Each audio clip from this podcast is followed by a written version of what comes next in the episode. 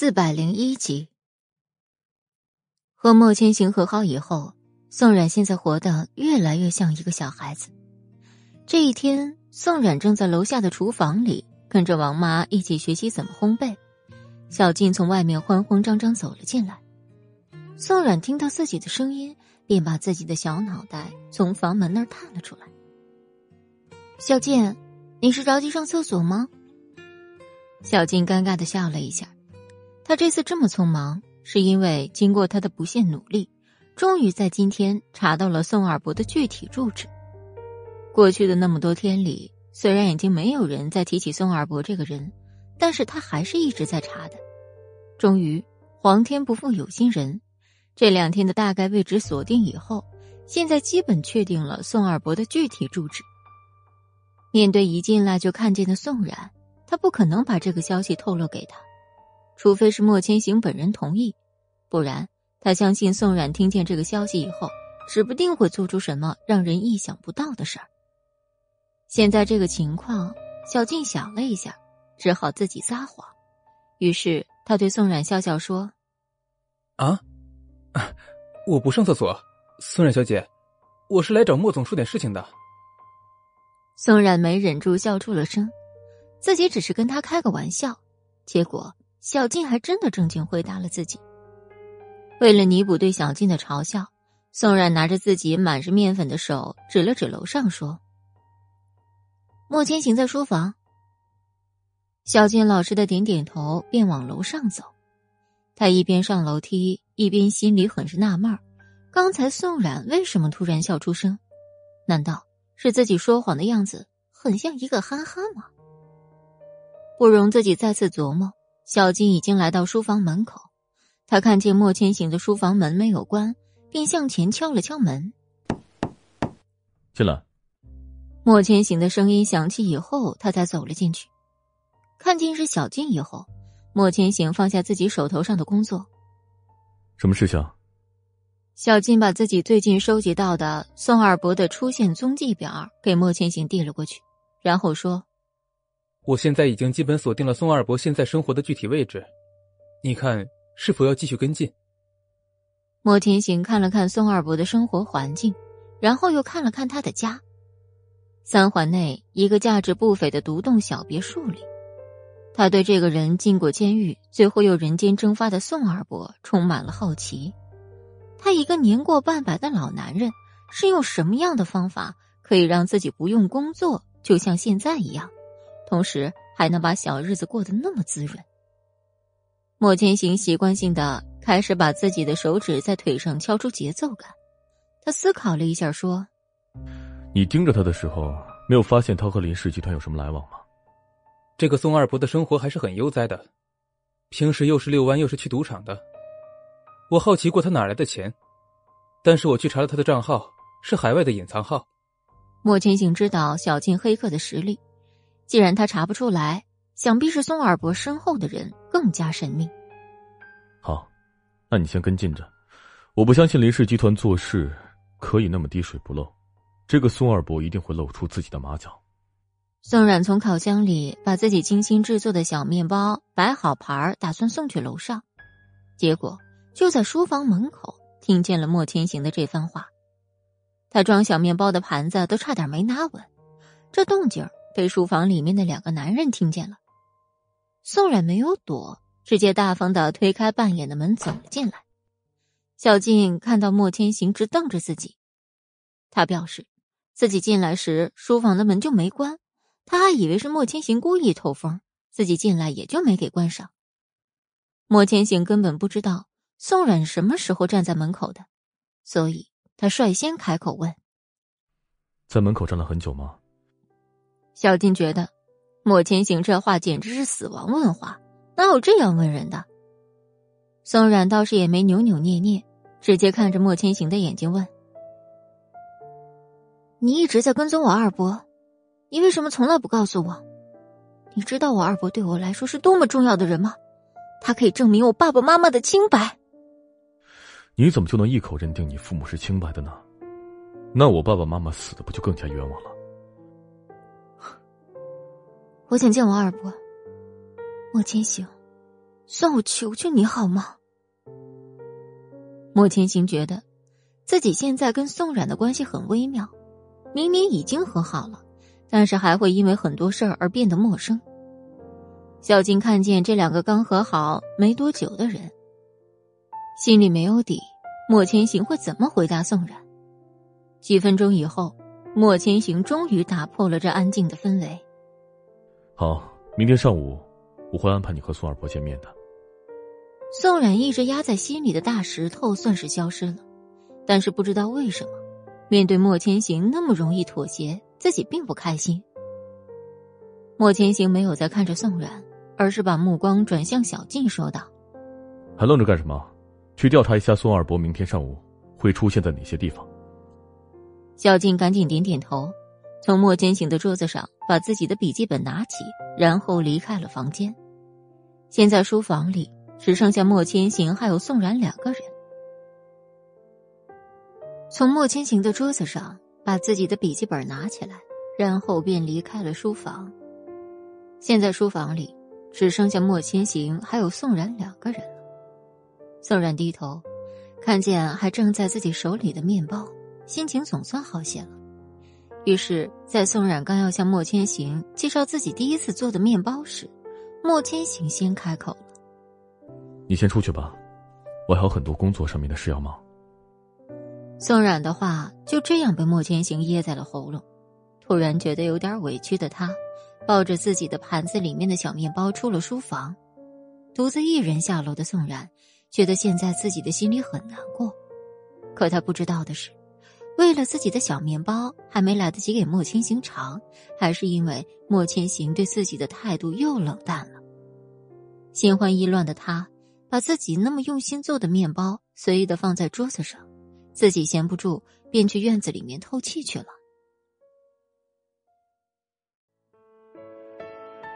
一百零二集。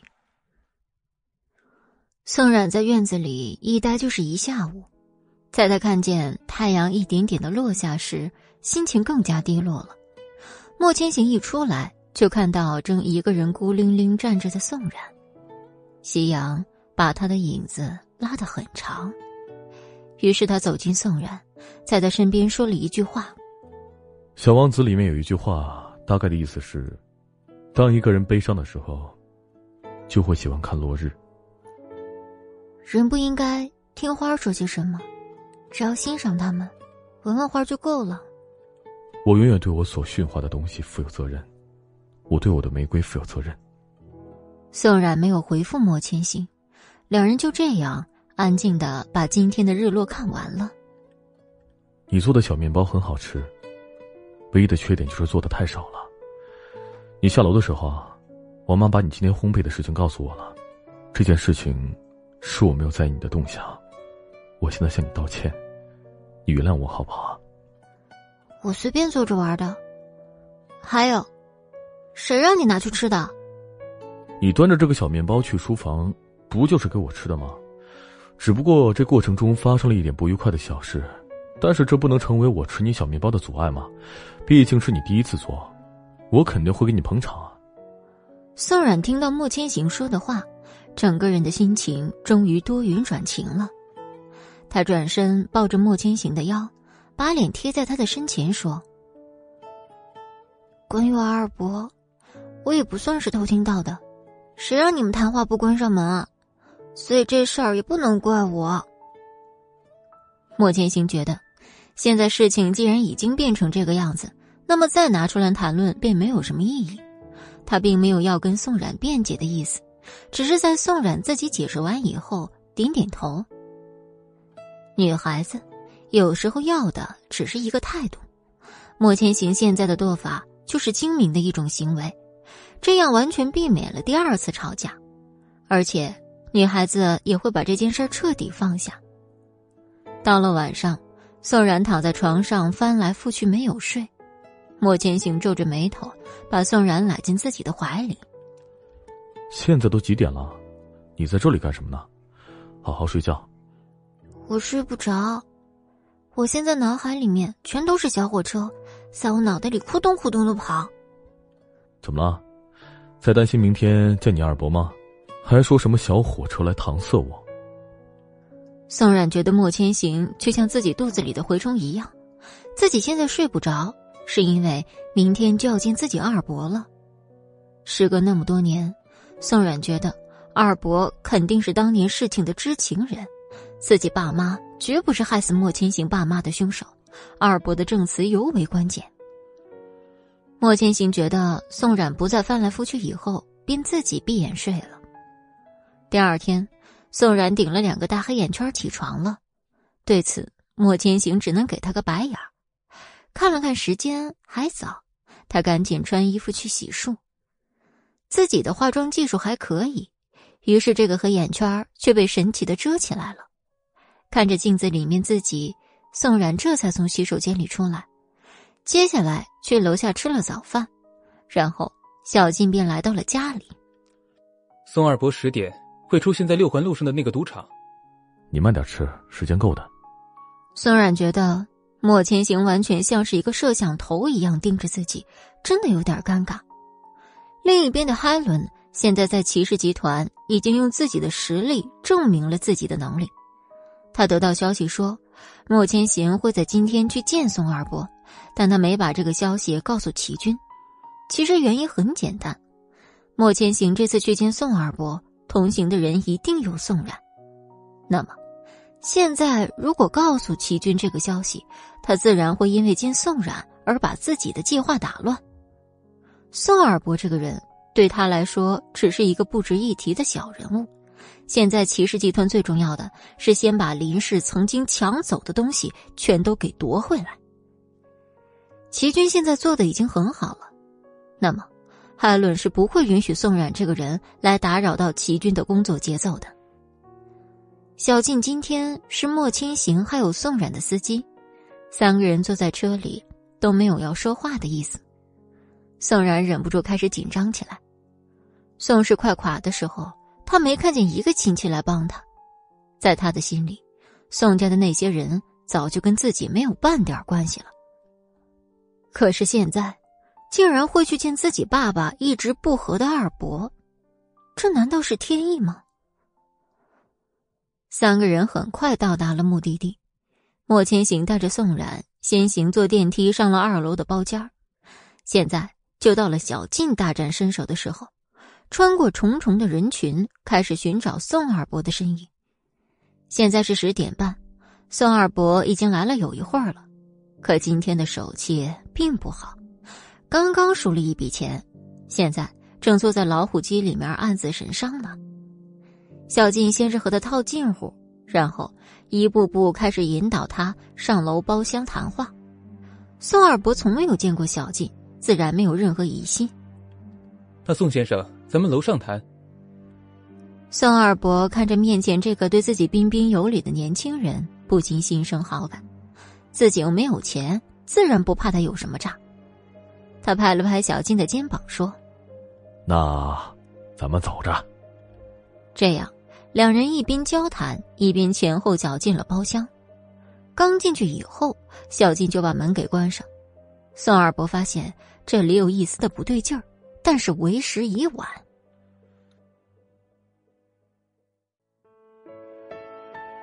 三集，宋二伯不知道为什么。感觉现在眼前这个年轻人已经和楼下自己刚才认识的那个年轻人判若两人，他紧张的向门的方向看，可是小金的身子就这样挡在了自己的视线范围。这次到了楼上的宋二伯觉得自己上当了，虽然现在自己手里也没有钱，但是他还是不放心自己的安全问题。这里可是六环路上最大的赌场。宋二伯只是一个贪生怕死的小蝼蚁而已。你你你给我让开！我要回家，我不想凑什么热闹了。看着没有底气说话的宋二伯，小静只是摇摇头，并没有说话。宋二伯不安的踱步，心里一直在思考：现在自己怎么样才能得以脱身？就在自己还没思考出解决办法时，他听到从后面传来的脚步声。原来。这包厢后面还有出口，宋二伯觉得自己好像有救了。但是就在这时，宋二伯面对着小静，可是从身后面听到了自己再熟悉不过的声音：“二伯。”他的身体变得僵硬，再次抬头看小静。小静只是默默的盯着他。宋二伯自己的心里似乎已经清楚这件事情的前因后果。莫千行看着宋二伯的身影有明显的变化，但是他并没说话，只是走进了一个灯光比较暗的角落里。宋然感觉自己现在心情非常复杂，他其实也不知道自己该用什么样的姿态。去面对自己二伯。事已至此，大家好像都没有去想象过会在这样的一个场合、这样一个尴尬的情况下见面。宋二伯觉得脚步声停了，自己缓缓把身子转过来。果然，和宋二伯自己心里所想的一样，来的人是宋冉。看见宋二伯缓缓转身的宋冉，更是紧张的不得了。两个人这样面对面，多少还是有些尴尬。二伯，好久不见。这个老套又尬的开场白是宋然想出来的第一句话。宋二伯在把身子转过来时，就已经看见了灯火灰暗的角落还有一个人，但是自己现在只能随机应变，并没有办法去好奇其他的事情。冉冉，几年不见。你还是和以前长得一样好看，二伯，我找了你好长时间，这次能找到你，我真的很开心。你怎么都没跟我联系啊？然然啊，这生活不易，我也是很不容易才活了下来。话说你是怎么找到我的？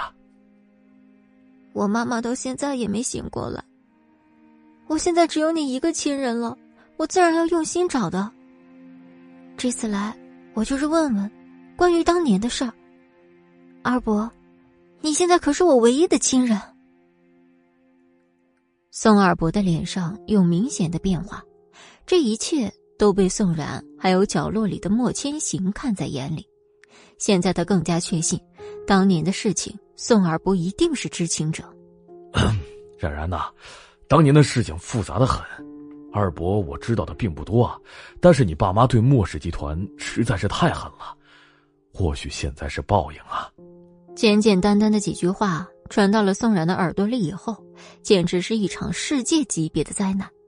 他一脸不敢置信的看着宋二伯，试图在他脸上找到一丝撒谎的蛛丝马迹，可什么都没有，能看见的只是宋二伯懊悔的模样。虽然宋二伯的声音并不大。但是在这房间里的几个人都听得清清楚楚，宋冉现在非常担心，在角落里的莫千行随时会冲出来。他现在觉得，自己的心一下都要碎掉了。虽然话是从宋二伯嘴里说出来的，但他现在并不相信。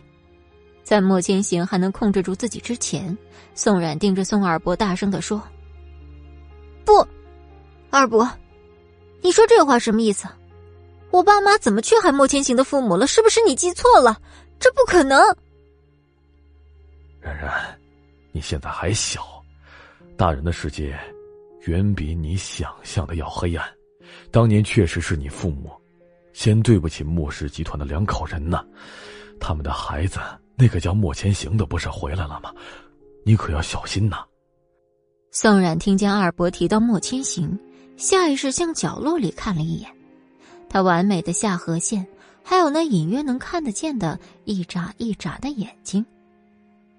其实，不光是因为光线太暗，宋冉觉得，就算是莫千行现在站在自己面前，自己也不一定能透过莫千行的模样看透他心中的想法。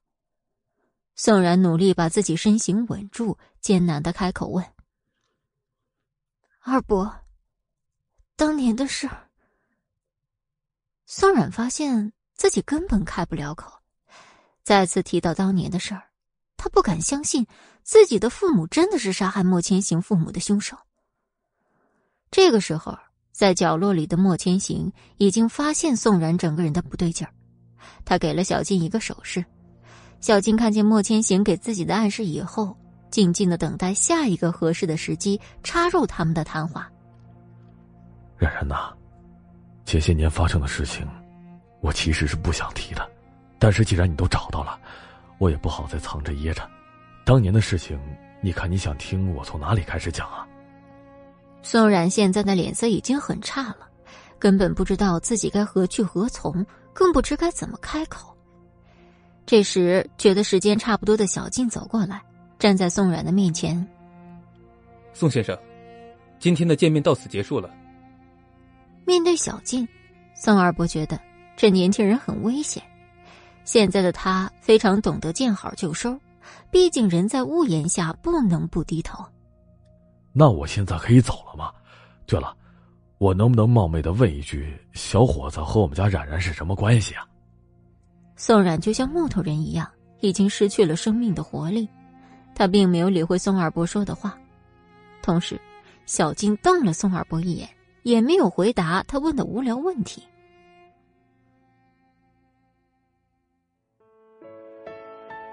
第四百零四集。小静开启了一副冷冷模样的送客模式，说道：“你出去吧，我们还会再见面的。”小静的话像是给宋二伯打了什么暗示一样，但宋二伯才不管什么再次见面那一套，他才不会来这个倒霉的赌场呢。他先是转头看见已经没有人拦着门了，宋二伯的心中自然是欢喜的。接下来，更让人寒心的事儿发生了。宋二伯看着就在自己面前的宋冉，也没说跟他道个别，他转身，一个步子接一个步子，没有任何留恋的离开了这个房间。宋冉听见门再次被关上的声音以后，自己的心好像也随着这最后一声彻底粉碎了。莫千行看着宋冉的模样，缓缓从灰暗的角落里走了出来，听着莫千行的脚步声。宋冉抬头看着他过来的方向，光打在莫千行的身上，宋冉眯着眼睛看他。莫千行就这样，在宋冉的注视下，一步一步又一步的走过来。宋冉觉得莫千行浑身都充满了光芒，但是这光芒不像是来自天堂，而是像极了招手的地狱。回家吧。莫千行低着头。对宋然只说了这三个字，宋然的眼泪就这样不争气的流了下来。他想象了一万种莫千行会跟他说的话，又或者是会对他做出什么过激的行为，但宋然怎么样也没猜到，莫千行只是和平时一样。冷淡的声音一出，还是属于他往常的语气，和平常一样，没有什么表情。这让宋冉更加不知道怎么去面对莫千行。刚才二伯说的话，虽然自己不相信，但不代表莫千行不信。莫千行看着待在原地的宋冉，只好又说了一遍：“傻愣在这里干什么？现在不是都见完你想见的人了吗？不回家是打算在赌场里面玩一玩吗？”莫千行，你都听见了吗？你到底走不走啊？我不走，我要回家。这个说话的语气，感觉像是怕莫千行扔下自己一样。离开房间以后，宋冉才想起，这半天怎么都没看见小静。还好，莫千行现在的状态让自己也琢磨不透。宋二伯刚才在房间里说，自己的父母确实对不起莫千行的父母。那莫千行现在怎么还愿意带自己回家呢？怎么一点生气的样子都没有呢？宋冉觉得，自己现在就像做梦一样，觉得哪里都很奇怪。到了停车场以后，宋冉依旧没有看见小静，实在是憋不住了，他小心翼翼的看着莫千行说：“莫千行，小静去哪儿了？我怎么一直没看见她？”莫千行打开车门，听见宋冉的话以后，自己坐进了车里。你现在才发现小静不在，属实有点晚。不过你关心别的男人干什么？莫千行的手向宋冉招了招，宋冉赶紧也上了车。莫千行一边发动车子，一边说：“小静她有她的事要去做，宋二伯人你也见到了，在家好好待上一段时间吧。宋冉觉得，现在的莫千行对自己的态度太好了，只是简单的要求自己在莫家里待着，也没向他生气之类的。难道他没听见宋二伯的话吗？这不可能啊！宋二伯说话的声音那么大，莫千行肯定是听见的。宋冉说不上来莫千行现在哪儿不对，但是总觉得怪怪的。就这样。宋冉在跟莫千行回家的路上，想了很多种造成莫千行现在不正常的可能。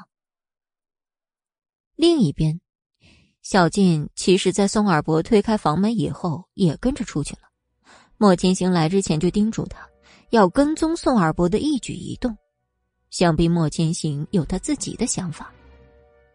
宋二伯从二楼下来以后，先是在一楼溜达了一会儿。好像感觉时间差不多，这才从后门鬼鬼祟祟的离开了赌场。宋二伯丝毫没察觉到有人在跟踪自己，出了赌场以后，便开心的哼起了小曲儿。小静看着宋二伯略显油腻的背影，觉得莫千行让自己来跟踪宋二伯应该是对的。过了一个路口，宋二伯进了一家餐厅，小静抬头。看了看这家餐厅，总觉得有些熟悉，但是没想起来自己在哪儿见过。他进去以后，开始暗中观察距离自己不远处的宋二伯。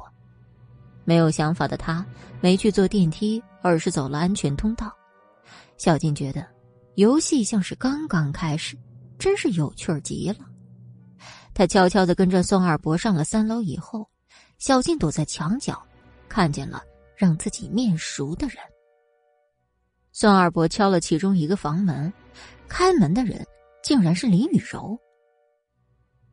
小静看见林雨柔时，猜测屋里应该还有其他人，不过都能让林雨柔给开门，想必这宋二伯身上一定有了不得的价值。林雨柔听见约定好的三短一长的敲门暗号，便起身开门。看见一脸堆肉的宋二伯，他强忍着心里的恶心，笑盈盈的道：“宋叔叔，你来啦。”宋二伯探头往屋里看了一眼，然后对林雨柔点点头，便走了进去。林雨柔在门口看了看，没发现任何异常，以后转身进屋的同时，把门也给锁上。这一下算是断了小静的跟踪计划。宋二伯进了屋。小静只能眼巴巴的在门外守着。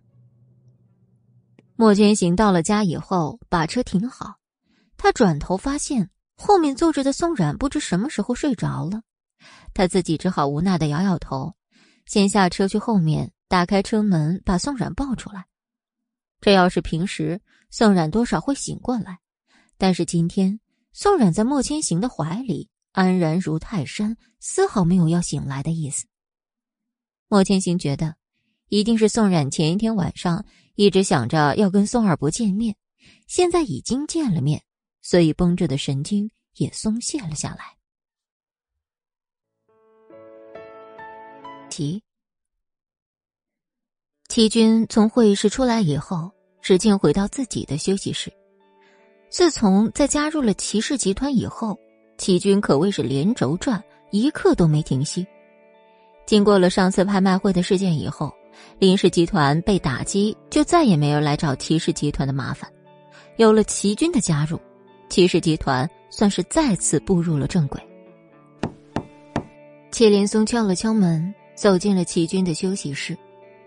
齐军躺在椅子上，睁开眼睛，看见来人是祁连松以后，自己索性也没有起身。两个人现在已经没有任何的芥蒂。祁连松非常自然的坐到齐军的对面，他难得露出自己的微笑，开口说：“最近辛苦你了，在公司还习惯吗？”公司是没有怎么变，但是这也算是我第一次正式管理这个公司，可把我累得够呛。祁连松听完齐军的小抱怨以后，心情还是挺好的，只是心里很是担心齐军的身体，于是，目光。转移到了齐军的上半身，语重心长的说：“你的身体现在怎么样了？我一直有联系国外的医生，年前再去试一遍吧。我的身体我很清楚，现在还算可以。这样工作上面的劳累，好过我在家里面颓废，好吧？我现在完全感受到了你掌管整个公司的不容易。祁连松觉得，齐军现在说话已经跟以前的作风不一样了。他还是第一次听见齐军说自己工作不容易。齐军呐，我觉得这样就够了。公司现在交给你，我是完全放心的。只不过我在担心你的身体。齐军从椅子上坐起来。看着就在自己面前坐着的祁连松，他感觉自己心里那块一直空着的地方，好像一点一点被填满了。这种感觉，自己已经很久没有感觉到了。这应该就是父子情吧？爸，我们齐氏集团一定要成为 B 市第一大集团。林氏集团对我们做的事情，现在已经还的差不多了。但是我们现在距离莫氏集团还有很大的差距。季连松看着有雄心的齐军，不知道为什么，自己的心中总是会想到宋冉那个孩子。齐军的手机震动起来，是海伦。祁连松当然也看见了手机上面显示的名字，他笑了笑说：“你好好休息一会儿吧，海伦。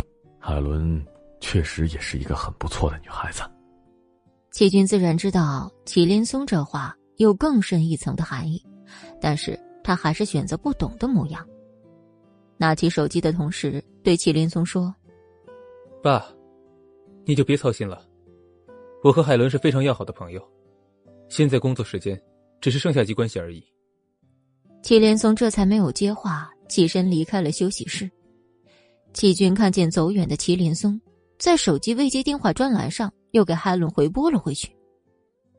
喂，怎么了？你怎么了？今天连续开了好几个会。祁大少爷，咱们多少也算是个病人，不用为公司拼命好吗？知道我那么辛苦，还给我打电话干什么呀？好了，我已经把今天的工作行程忙完了，现在正在休息室呢。休息室是吧？那你等我，我等下去找你说点事儿。齐军还没有问是什么事儿，海伦就已经挂断了电话。他懵懂的放下手机，脑袋已经转不动去思考海伦打算说什么。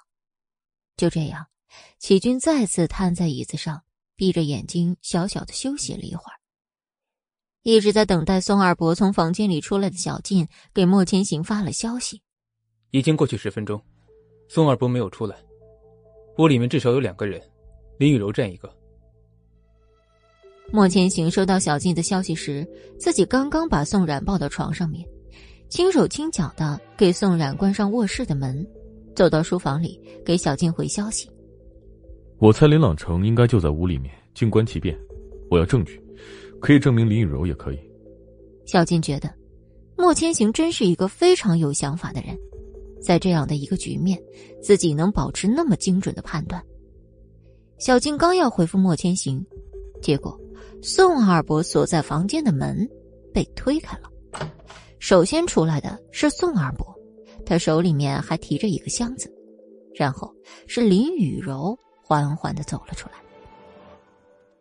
只见宋二伯非常热络的对林雨柔说：“那宋某就在此谢过当家的了，我这就离开这里。”啊，这事儿父亲非常满意，宋先生，你现在可以离开了。别呀，林雨柔小姐，你怎么锁门了？林先生还在里面呢。你不用管，做好你自己该做的事儿就行了。林雨柔觉得宋二伯真是个蠢货。宋二伯觉得自己被林雨柔说了，心里很不服气，但表面功夫还是要做好的。我知道了，那我还是走安全通道离开吧。林雨柔听见宋二伯说的话，也没理他。在宋二伯走到安全通道里以后，自己才离开这个屋子门前。小金没有功夫在这浪费时间，跟着宋二伯前往安全通道离开了这儿。只不过，小金在走时默默记下了这家店的位置，那个被林雨柔锁上的房间一定有问题。林雨柔在等电梯的时候，自己又默默的观察了一下四周，确定没有可疑的人后，这才放心的拿出自己的手机，不知是给谁发了一个消息，才离开了。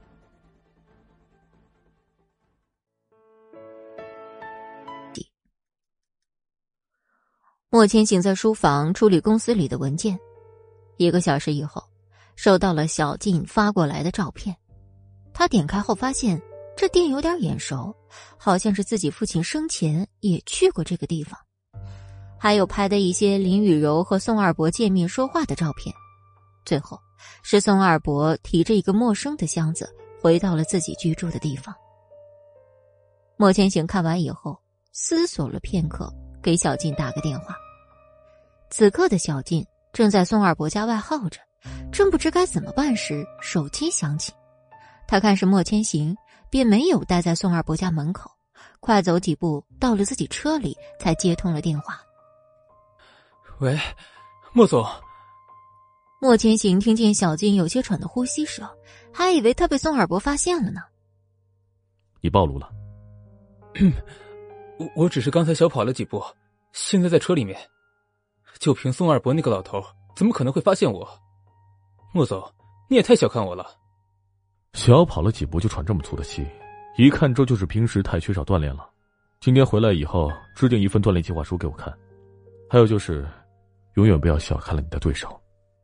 小金觉得，自己真是搬起石头砸自己的脚，但莫千行说的话又很有道理，自己只好默默的记在心里。好的，莫总，我知道了。现在我只是比较好奇，宋二伯从那个地方提出来的箱子里面装了什么。你看，需要我翻墙进去看看吗？莫千行听见小静说的话以后，深深怀疑小静是跟宋冉在一起待的时间长了，现在他的理智好像也被宋冉传染低了，自己不禁怀疑小静现在的智商有没有一百三。小静啊，我觉得你以后需要离宋冉远一点。莫千行没有回答自己的问题，而是提到了宋冉，小金觉得身体一紧。自己赶紧在心里面回想，是不是自己哪个时候和宋冉小姐离得太近了，还是她怎么样了，让莫千行看着不舒服了？莫千行没听到小金的回答，不禁失去耐心。一个宋冉就够蠢的了，我不希望你也是一个傻子。小金还在想，是不是自己跟宋冉小姐距离太近？结果，莫千行说的话彻底打破了自己不着边际的想法。他只好硬着头皮回莫千行。好的，我明白了。莫总两个人都还没说出来，小静就发现莫千行已经把电话挂断。在林氏集团工作的明蕊现在已经适应了一个人的生活，周围的人从自己那天跟小静闹掰以后就不理自己了。好在在工作上大家还是相处愉快的同事。明蕊觉得自己能生活成现在这样。已经很知足了。林雨柔最近不常出现在公司，明蕊在自己时间非常空闲的时候，都会在网上查看关于莫氏集团的新闻。之所以那么关注莫氏集团，完全是因为明蕊觉得自己对莫千行还有宋冉抱有敌对的态度。时间一天又一天的过去，终于让明蕊想出了一个完美的复仇计划。明蕊很多天都见不到林雨柔，以后自己也不好意思去主动联系她，一是怕打扰林雨柔在做的事儿，二是怕自己的计划有差错会连累到林雨柔。明蕊再三思考以后，还是决定自己去实施这个计划。做好万无一失的计划以后，明蕊觉得自己的心情实在是太愉悦了。他觉得自己这个计划。不仅能报复到莫千行，还能给宋冉应有的惩罚，真是太好了。为了避免夜长梦多，明蕊直接把计划定在了明天上午。第二天很快就来了，宋冉一直窝在家里，真是无聊透了。在钢琴房里练了一会儿琴后，宋冉便回到房间里，拿起自己的手机，发现有两个未接电话。宋冉发现是本地的号码，并回拨过去。另一边，明蕊坐在莫氏集团的楼下咖啡厅里，他看着自己的手机屏幕上显示着宋冉的来电，自己的嘴角开始禁不住的上扬起来。接起电话后的明蕊用自己秘书专业领域的语气说：“你好，是宋冉小姐吗？这里是莫氏集团。”宋冉一听是莫氏集团，心里便没过多疑虑，只是不知道莫氏集团打电话给自己干什么。于是宋冉略显担心的说：“你好，我是宋冉，我想问一下，打电话有什么事吗？”“嗯。”莫总现在在开会，麻烦你拿一件平时穿的白衬衫送到集团里来。是随便一件吗？送到哪个楼层啊？那这样吧，我直接在负一楼等你，这样你从负三楼的停车场直接坐上来就可以，也省了你走前台的程序。到时候还麻烦你给我打一个电话，毕竟莫总在开会，不方便接听电话。宋冉觉得说的有道理。自己确实不太愿意出现在莫氏集团，毕竟宋氏集团现在也改名叫莫氏集团了。他总觉得去了集团，自己心里面很难过。林蕊听见宋冉答应以后，自己放下已经见底的咖啡，说：“好的，宋小姐，那就这样说定了。我先去工作了，我们一会儿见。”宋冉挂断了电话。在衣帽间里给莫千行拿了一个全新的白衬衫以后，往楼下走。小静被自己使唤出去带着王妈买菜了。宋冉一想想，自己一个人要开车出去，就觉得很开心。在路上，宋冉还哼着小曲儿，心里想着给莫千行送完衣服，自己还可以去逛个商场。在莫家待了这么多天没出门，宋冉觉得。自己太难了。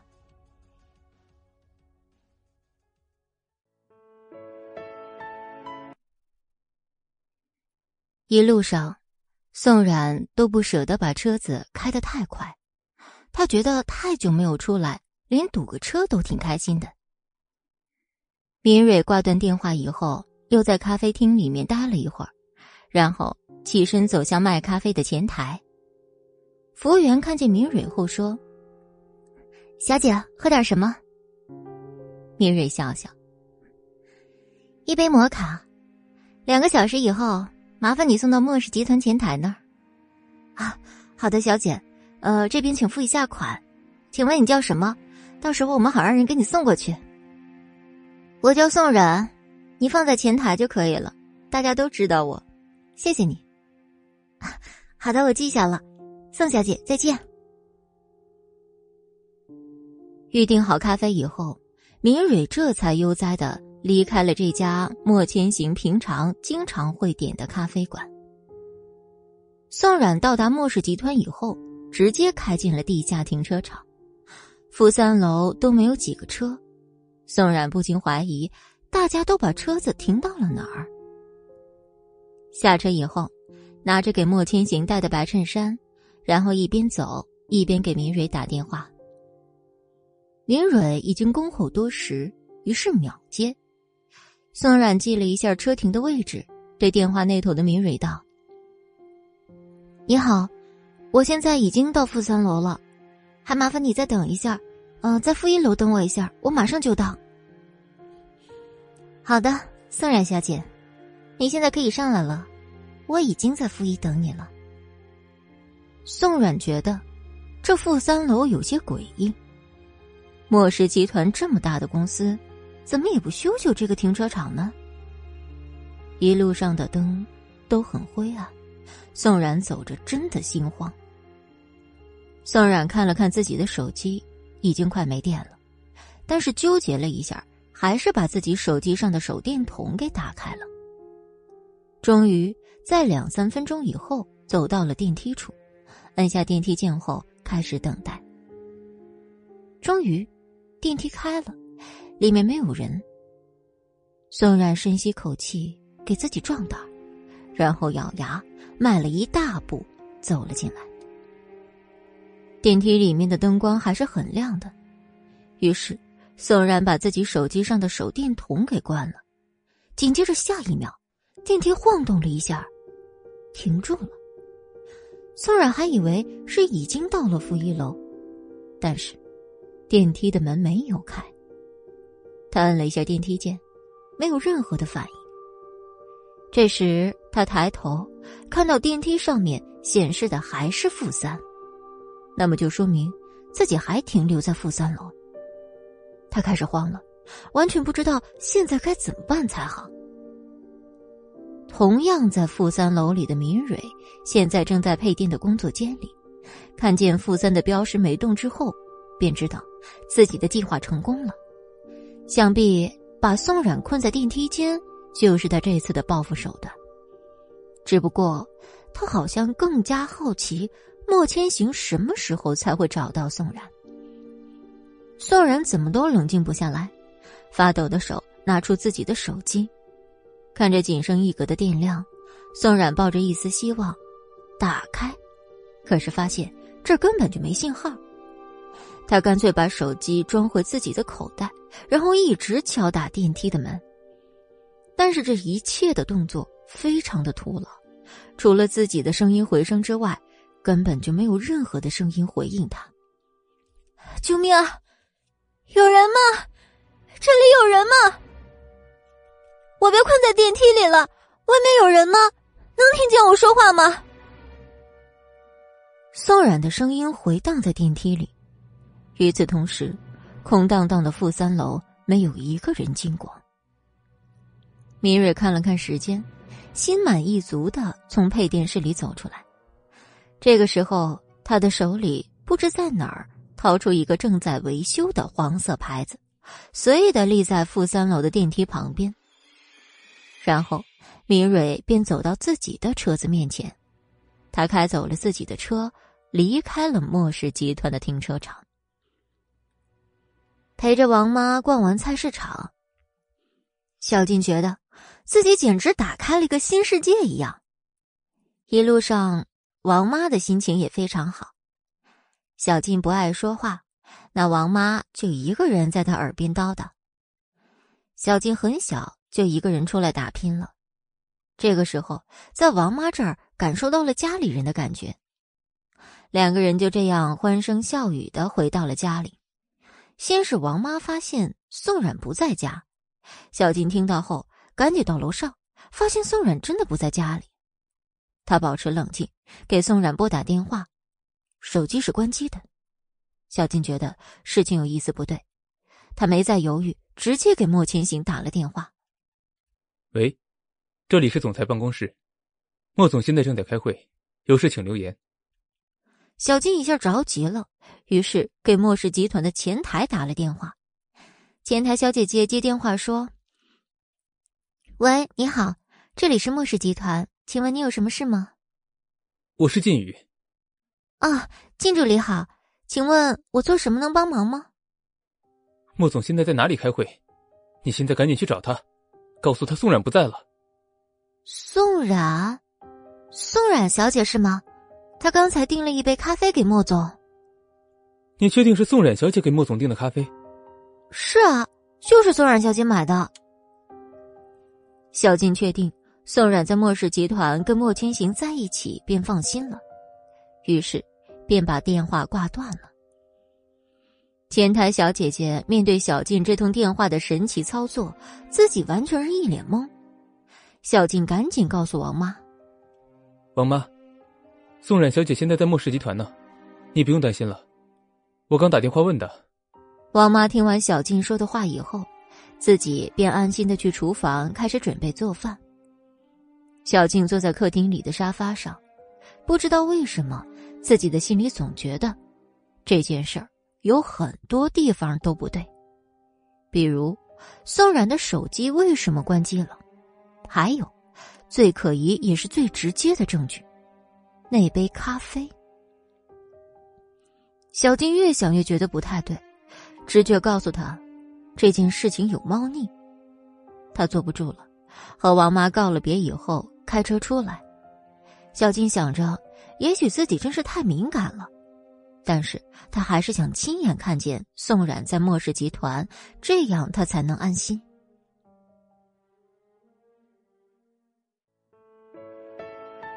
几。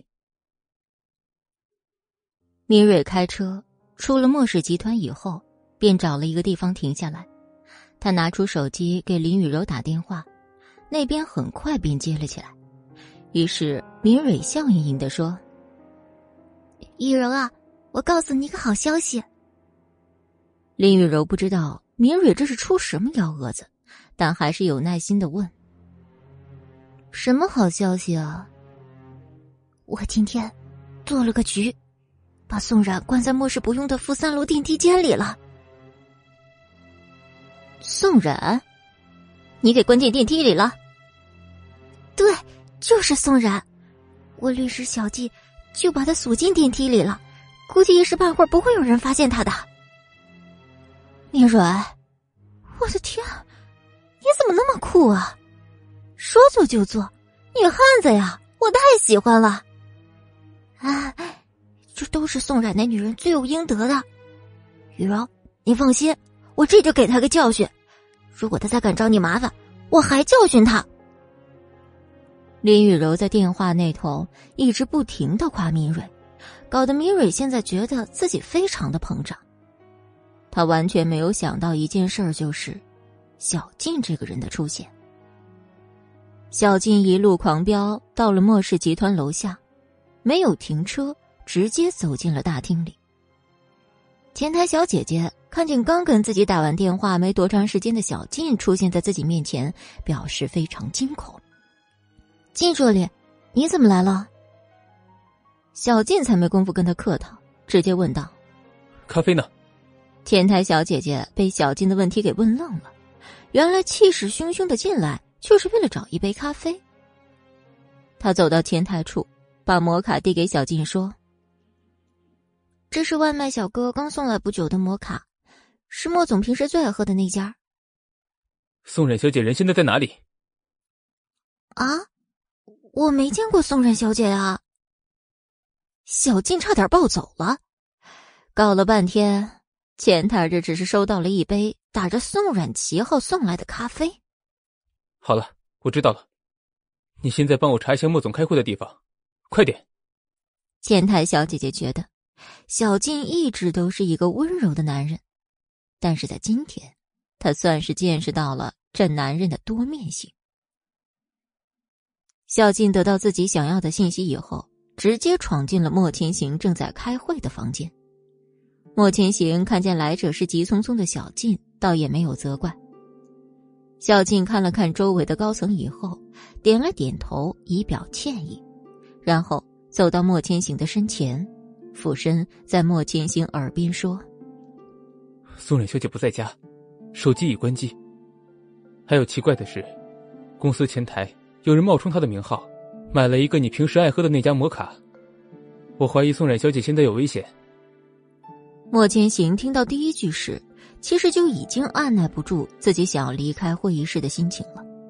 但是现在在场的人，他还不可以抛弃。小静说完话以后，便站得笔直。莫千行站起来，对各位高层说：“今天实在是不好意思啊，我还有一事儿没办法耽搁。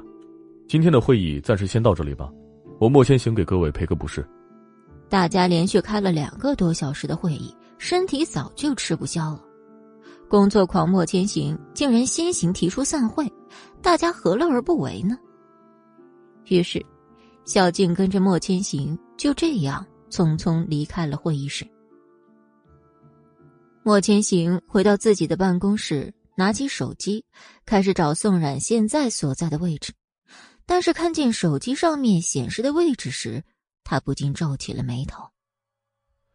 宋冉的手机显示，他现在在穆氏集团。莫千行的话，不知道是说给小静听，还是说给不相信的自己听。于是，小静立刻下达通知，开始调整了整个公司的全部监控录像。时间一分一秒的过去，宋然想看看时间，却发现手机自动关机了。自己现在没有力气再去喊救命了，而莫千行，他则开始回想今天所发生的一切，但实在是没有想起到底是哪儿出了错。小金的关注点一直在那杯咖啡上，于是对莫千行说：“那杯摩卡，我总感觉有问题。”经过小金的提醒以后，莫千行在脑海里想起了一个人，可是经过自己的推测，莫千行总是觉得，那个当过自己几天秘书的可能性真的不大。就在两个人都没有任何头绪的情况下，监控室打来电话：“喂，我们在公司的停车场发现了宋冉小姐的身影，而且一直到现在都没有出来。然后呢？停车场里面有吗？”负一都没有啊！我连负二楼都看了，根本就没有宋冉小姐还有车的踪迹。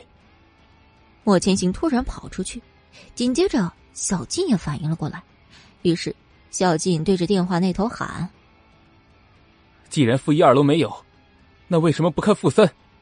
赶紧带人去负三楼集合！”把电话挂断以后，小静也赶紧往外面跑，他知道莫千行一定是往负三楼去了。监控室这边的人想着负三楼一直都是废弃的停车场，根本就没有往那儿想。现在经过小静的点拨，监控室的人立刻开始调负三楼的监控。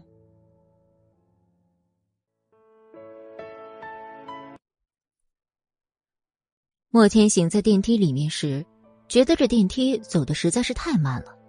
他有一种预感，就是宋冉现在一定是在负三楼。他心中焦急万分，生怕宋冉出什么不好的事儿。一层一层，终于，电梯“滴”的一声打开了门。负三楼是整个公司最荒凉的地方，莫千行都记不起来自己上一次来这地方是什么时候了。由此可见，这负三楼多么的荒凉。话说，这本来就是一个废弃的地方，所以。在莫氏集团上班的人都知道，这也就是没有整改的原因。莫千行看着昏暗的灯光，里面竟还停着好几辆车。他拿出自己的手机，准备给监控室打电话，但是他发现自己的手机在这儿根本就没有信号。他更加坚信，宋冉现在就在这里。自己现在第一件事儿就是找宋冉开来的车。这个时候。监控室里面的人还有小静都赶了下来。监控室的小组长有些忐忑的走到莫千行的面前说：“莫总，我已经在让兄弟们查负三楼的监控了。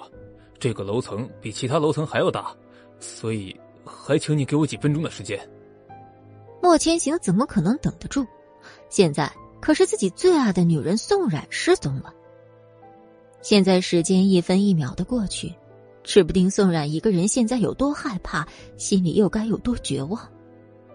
你在这里等着，有消息就告诉我。莫千行说完话就径直走了，他开始往前面有车的地方走，想着看看能不能先找到宋冉的车子。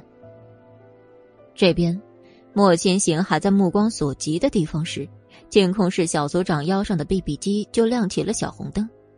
小静示意他赶紧接听。于是，小组长赶紧从腰上把 BB 机拿下来，摁了接听键，里面嘶嘶啦啦的传来声音：“组长，组长，能听见吗？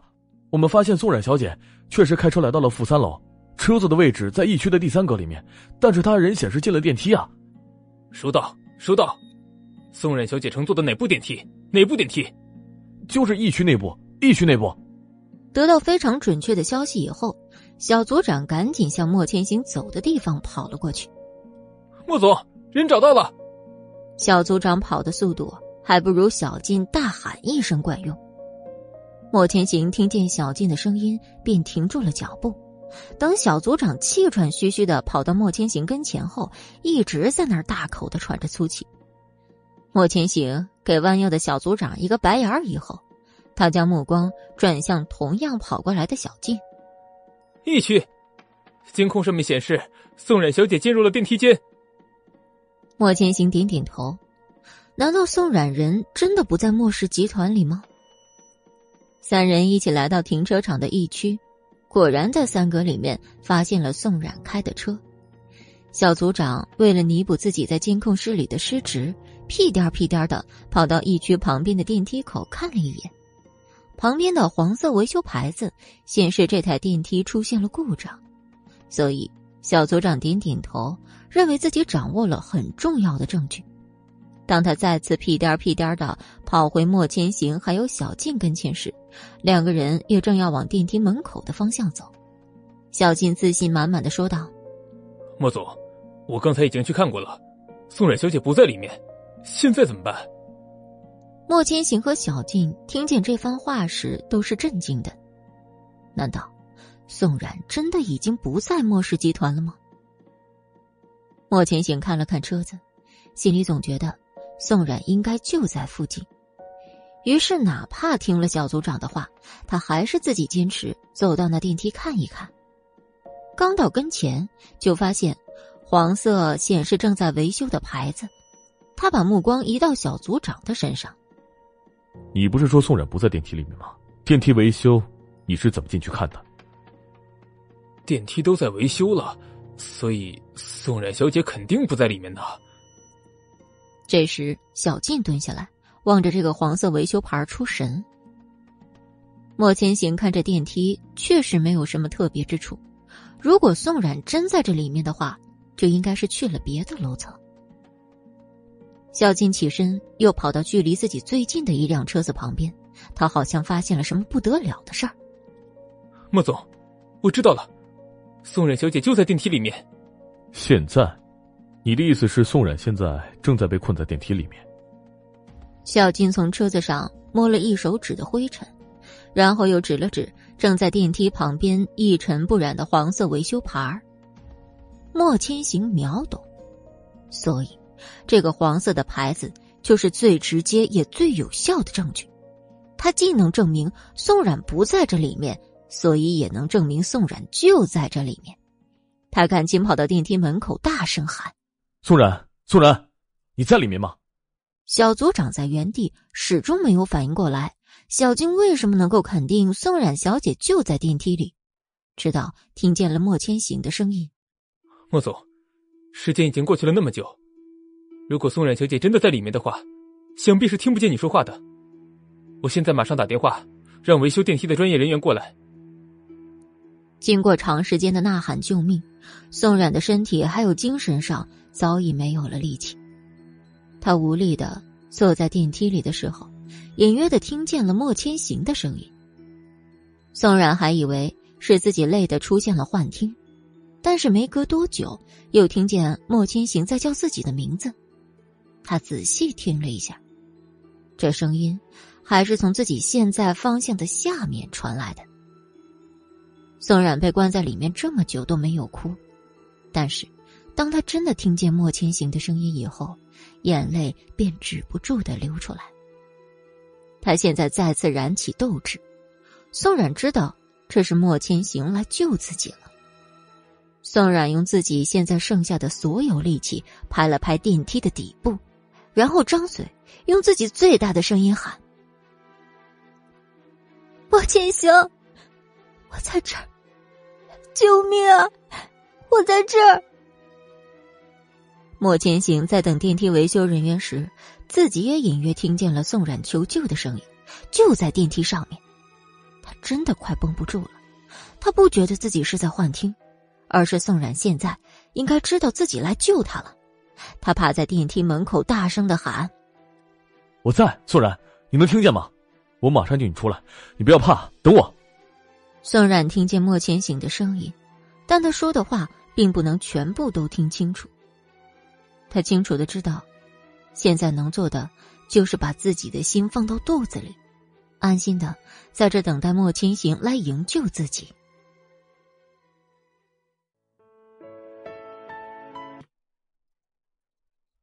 电梯维修工算是一个闲差了，所以当监控室里的一个组长带电话给他的时候，电梯维修工并没有很快的赶来。五分钟以后，莫千行实在是不想等下去，在监控室的小组长再次给电梯维修工打电话时，把手机抢了过来。喂，我再给你们三分钟，三分钟以后。我来见不到我要的人，你们所有的人都可以滚出莫氏集团了。电梯维修工只知道莫千行的大名，上哪儿知道这个电话那头跟他喊的人就是莫氏集团的莫总呢？但是莫千行说话的威严还是在的，所以电梯维修工这才着急忙慌的往这边赶。到达负三楼时，已经是第四分钟了。等他们跑到一区时，莫千行抬头看了看自己的手表。你们迟到了，知道吗？把这个电梯修好以后，就可以去人事部递交自己的辞职报告了。两个电梯维修工看着眼前的这个男人，这就是自己最大的上司啊！现在说什么都没用了，这两个电梯维修工只好尽职尽责的开始自己的工作。来到配电室里。发现这里的线路被人动过手脚，其中一个便跑到莫千行的旁边。电梯没有坏，是有人动了手脚，这才导致电梯停在了负三楼和负二楼的中间就不动了。我们现在把路线改过来就可以了。莫千行没说话，小静点点头，交流道：“人为改动，那还麻烦你们尽快修复电梯。”对，一看就是一个门外汉。只改动了电梯最基本的停止，不会有任何的危险。等下电梯动了，就会在负二楼或者负一楼停下，你们可以直接上去等着的。莫千行直接转身走了，小静叮嘱维修工：“等下你们修好电梯以后，就可以直接去人事部辞职了，工资不会少发给你们的。今天这件事情，也是给你们今后工作的时候提了个醒，辛苦你们了。”监控室的小组长可没跟电梯的维修工搭话。自己怎么说也见过莫千行发脾气的样子，现在只求自保。他可是听见维修工说，这次的电梯事件是人为事件。现在可要好好的抱紧莫千行的大腿了。监控室小组长心中的这个想法得到肯定后，屁颠儿屁颠儿的。赶紧跟着莫千行一起上楼去了。电梯再次动起来的时候，宋冉还以为自己发生了幻觉，但他知道一定是莫千行来救自己了。他缓缓的闭上眼睛，今天遭遇真是让他身心疲惫。电梯在负一楼缓缓打开，映入眼帘的就是坐在地上的宋冉。莫千行看着这一幕，别提有多心疼了。他走进电梯里，蹲下，缓缓把宋冉抱起。宋冉，宋冉，你醒醒啊！我来救你了。宋冉没睁眼，但是已经感受到了属于莫千行身上特有的味道。他本能的反应就是往莫千行的怀里蹭了蹭。莫千行无奈的笑了，把宋冉抱起来时。发现电梯里还有一个纸袋子，莫千行示意小静进去拿出来。三个人没有一个理跟上来的小组长，他们同样也没坐这个出过事情的电梯。莫千行就这样抱着宋冉走到另一处的电梯，同样是等待坐电梯的工作人员见到这一幕，大家是震惊的，大家震惊又放大的瞳孔没维持多久。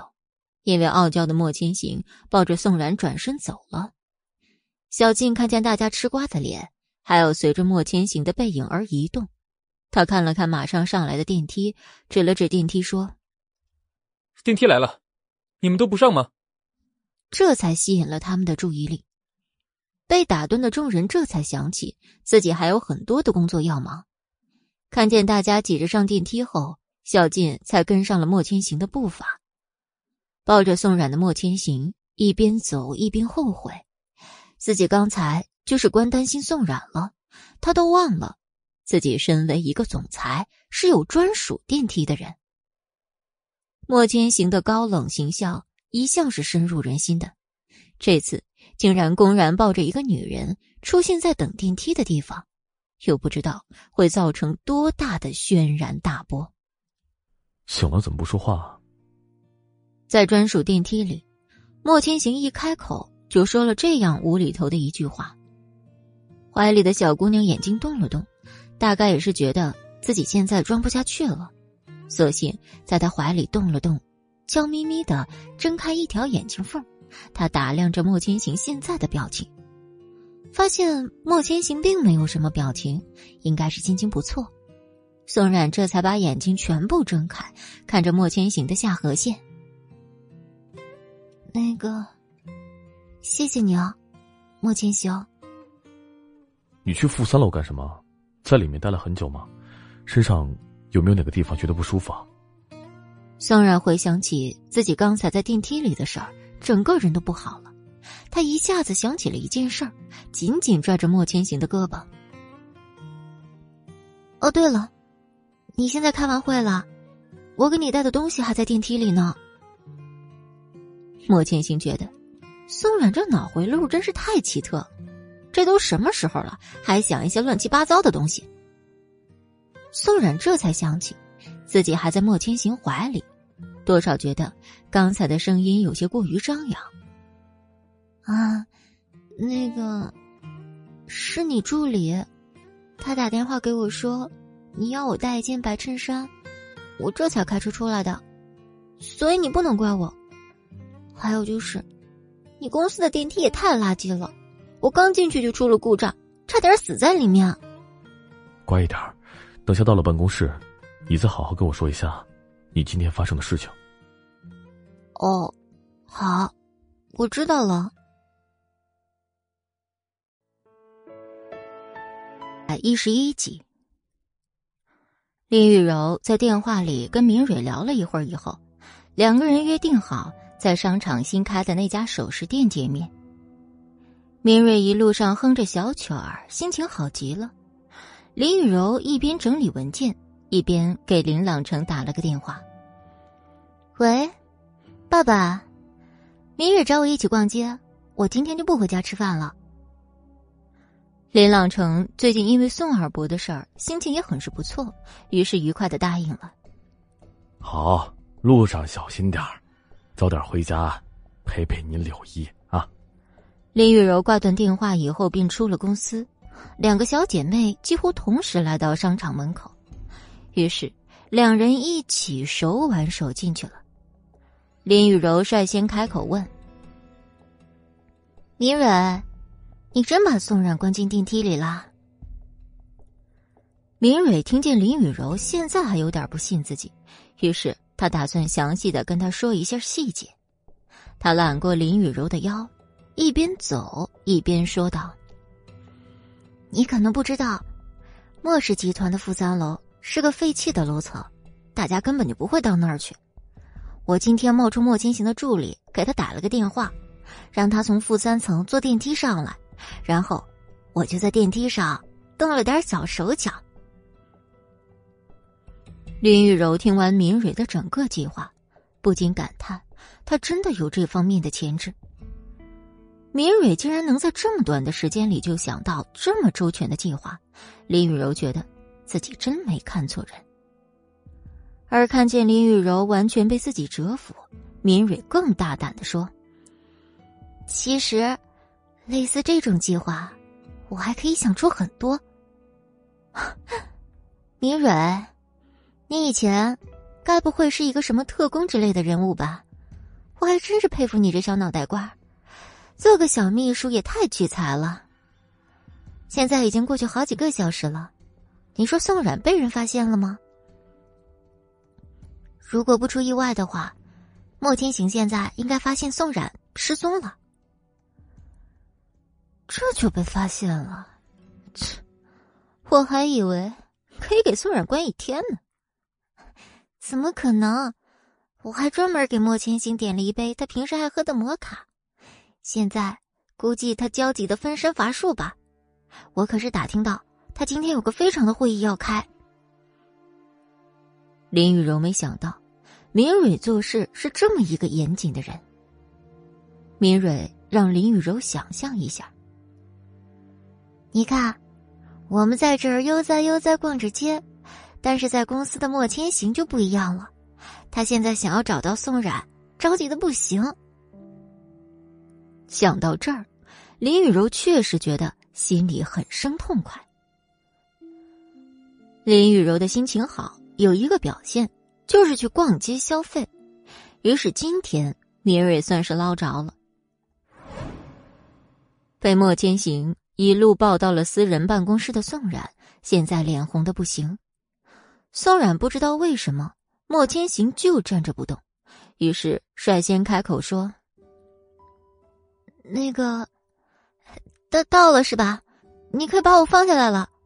我给你讲讲我今天的心酸历程吧。”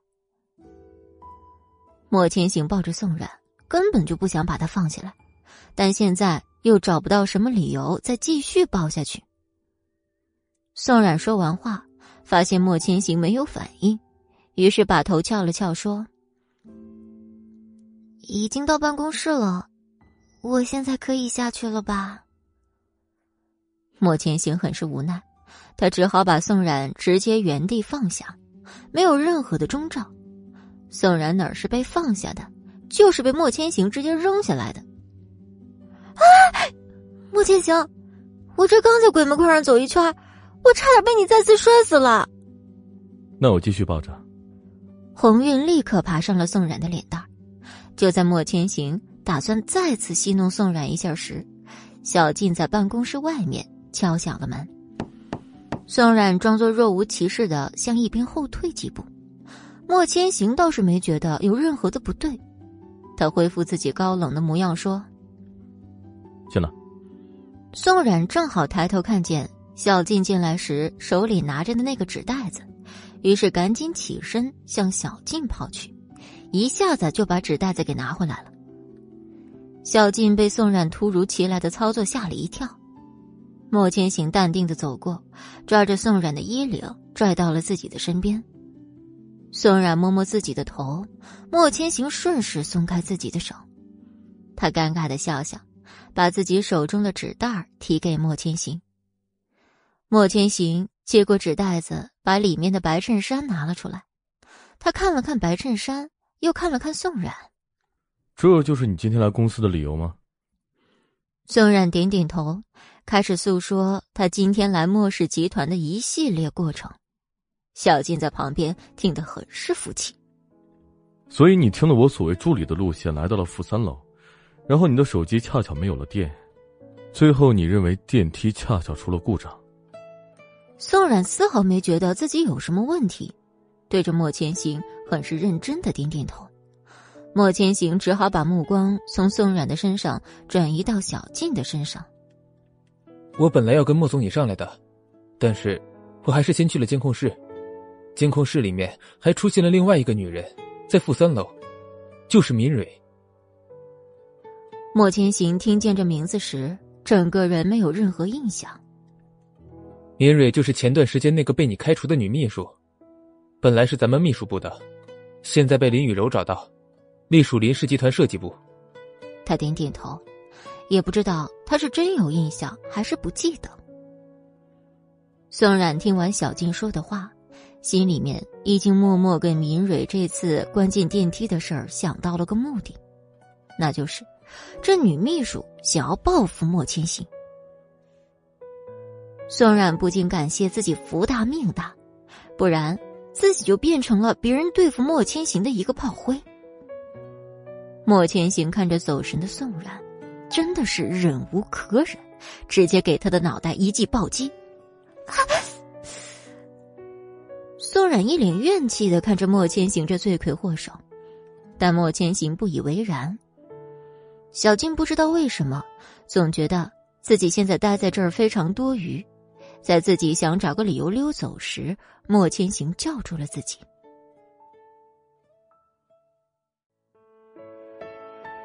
几？海伦推门进来的时候，齐军还在保持他原来的躺姿。齐军听见高跟鞋的声音以后，便装模作样的睁了一下眼睛，随后又闭上。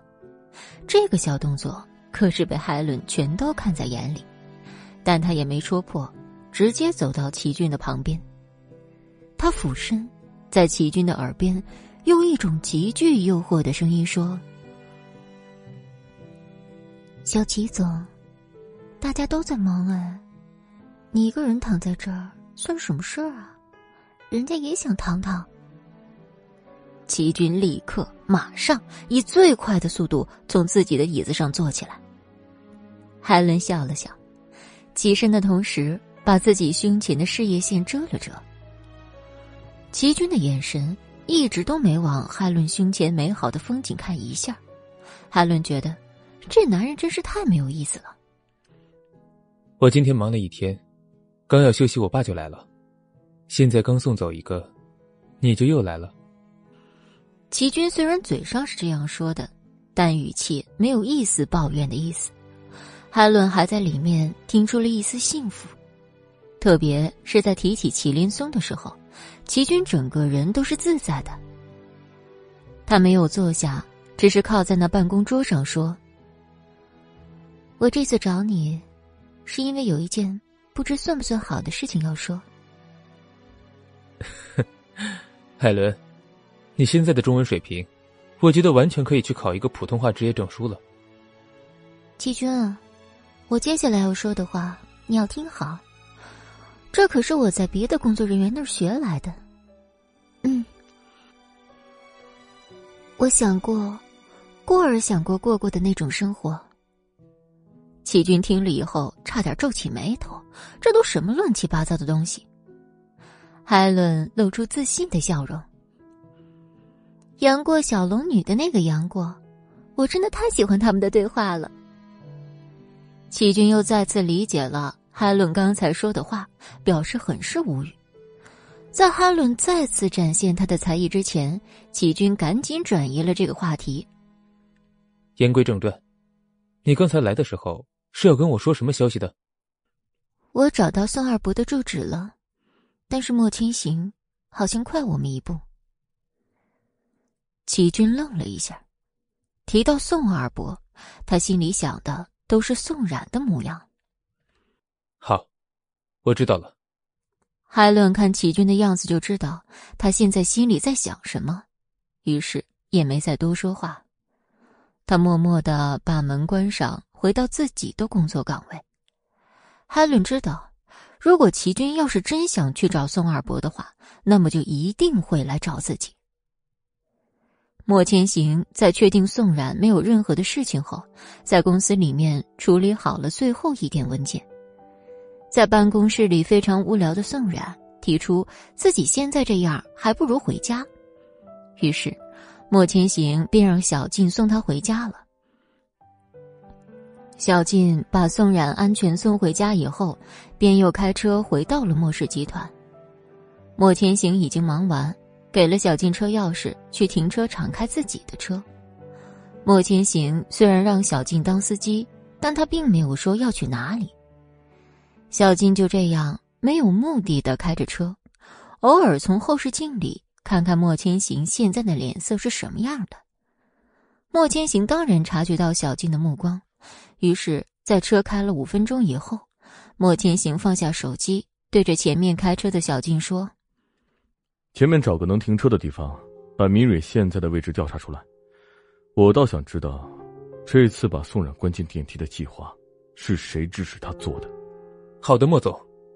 小静就知道，莫千行这次和自己单独出来是有行动，估计一早被送回家里静养的宋冉，他心里很是不服气。小静能跟莫千行出来溜达。小静停下车以后，拿出自己改装过的电脑，没有三分钟，他就锁定了明蕊现在所在的位置。莫总，明蕊现在在商场二楼。商场，心情挺好啊。在这里逛街，等下你把她带过来，我想见见她。小静接到命令以后，进到商场里面。他首先找到明蕊所在的位置，然后在他和林雨柔分开去厕所时，最后找了一个合适的机会把他给敲晕了。等明蕊再次醒来时，发现自己正在一个小黑屋里。他觉得他的脑袋现在又沉又晕。明蕊眨了眨自己的眼睛。缓了缓后，才看清楚周围的一切。这个灰暗的小屋子里，现在只有自己一个人。明蕊第一想法就是，自己被绑架了。有人吗？救命啊！有人能听见吗？明蕊没有起身，先试着喊了两声，然后，在这时，小屋的门被推开了，外面刺眼的阳光。一下子射进来，有些难受。明蕊眯了眯眼睛，没有看清楚进来的人是谁。进来的人没有说话，明蕊只好赶紧让自己的眼睛适应这个环境。明蕊抬头，便看见莫千行还有靳助理，整个人的脸上都写满了不敢相信。莫千行不是很满意明蕊这惊讶的反应，于是他摇摇头，慢条斯理的说：“明蕊是吧？你是不是不知道我为什么要开除你啊？那么你说我现在该怎么惩罚你才好呢？”敏锐觉得。莫千行明明什么也没干，但自己的身体已经止不住的颤抖了。莫总，我不是在商场逛街吗？怎怎么现在在这儿啊？还有，你说的话，我我听不懂。我开除你，是因为你作为一个秘书，竟然忘记我交代你给我买一杯咖啡。也就是因为这件小事，你竟然去把宋冉关进负三楼的电梯里。明蕊，你没有想到做每一件事的后果是什么吗？莫千行的话，每一句都不是疑问句，而是百分百的肯定句。第四百一十三集，面对莫千行每一句话的抨击，明蕊并不知道自己现在还能说什么好。至于自己为什么被开除这件事儿，也终于找到了答案。他现在根本没有脸去抬头看着莫千行说话。米蕊他怎么也没有想到，竟然是因为一杯咖啡。最可笑的是，自己今天在把宋冉关进电梯之前，他还去给莫千行点了一杯他最爱喝的摩卡。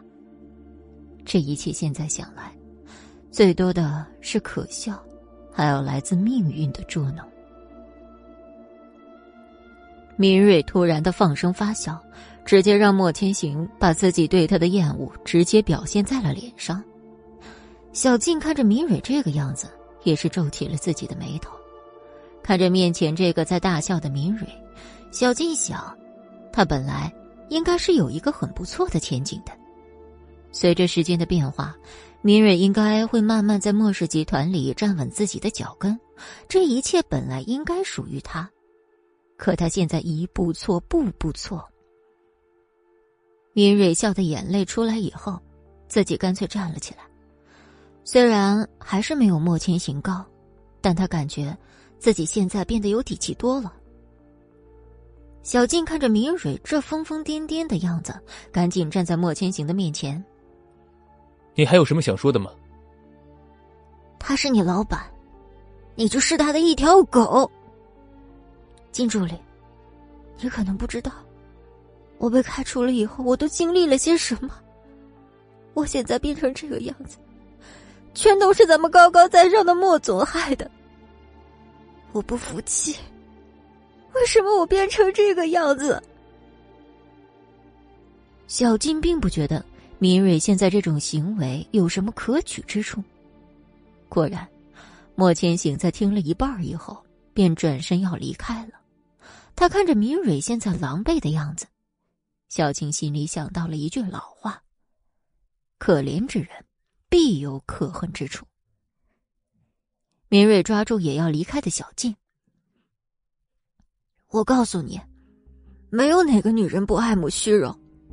那个宋冉留在莫千行身边，肯定也没安什么好心眼。”小静听见明蕊提到宋冉的时候。整个人对敏蕊的看法更加不好。现在这个时候，他的心里还想着去说别人不好，去想着怎么挑拨别人之间的关系。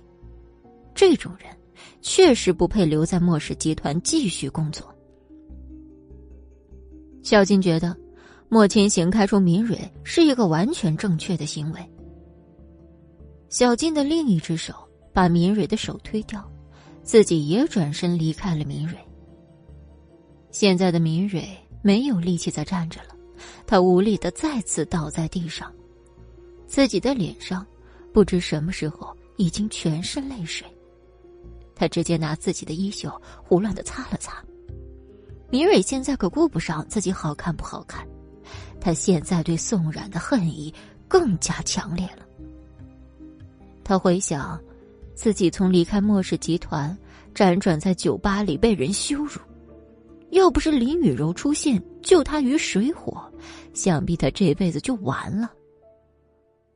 想到林雨柔这人时，明蕊有了走出这黑屋的动力。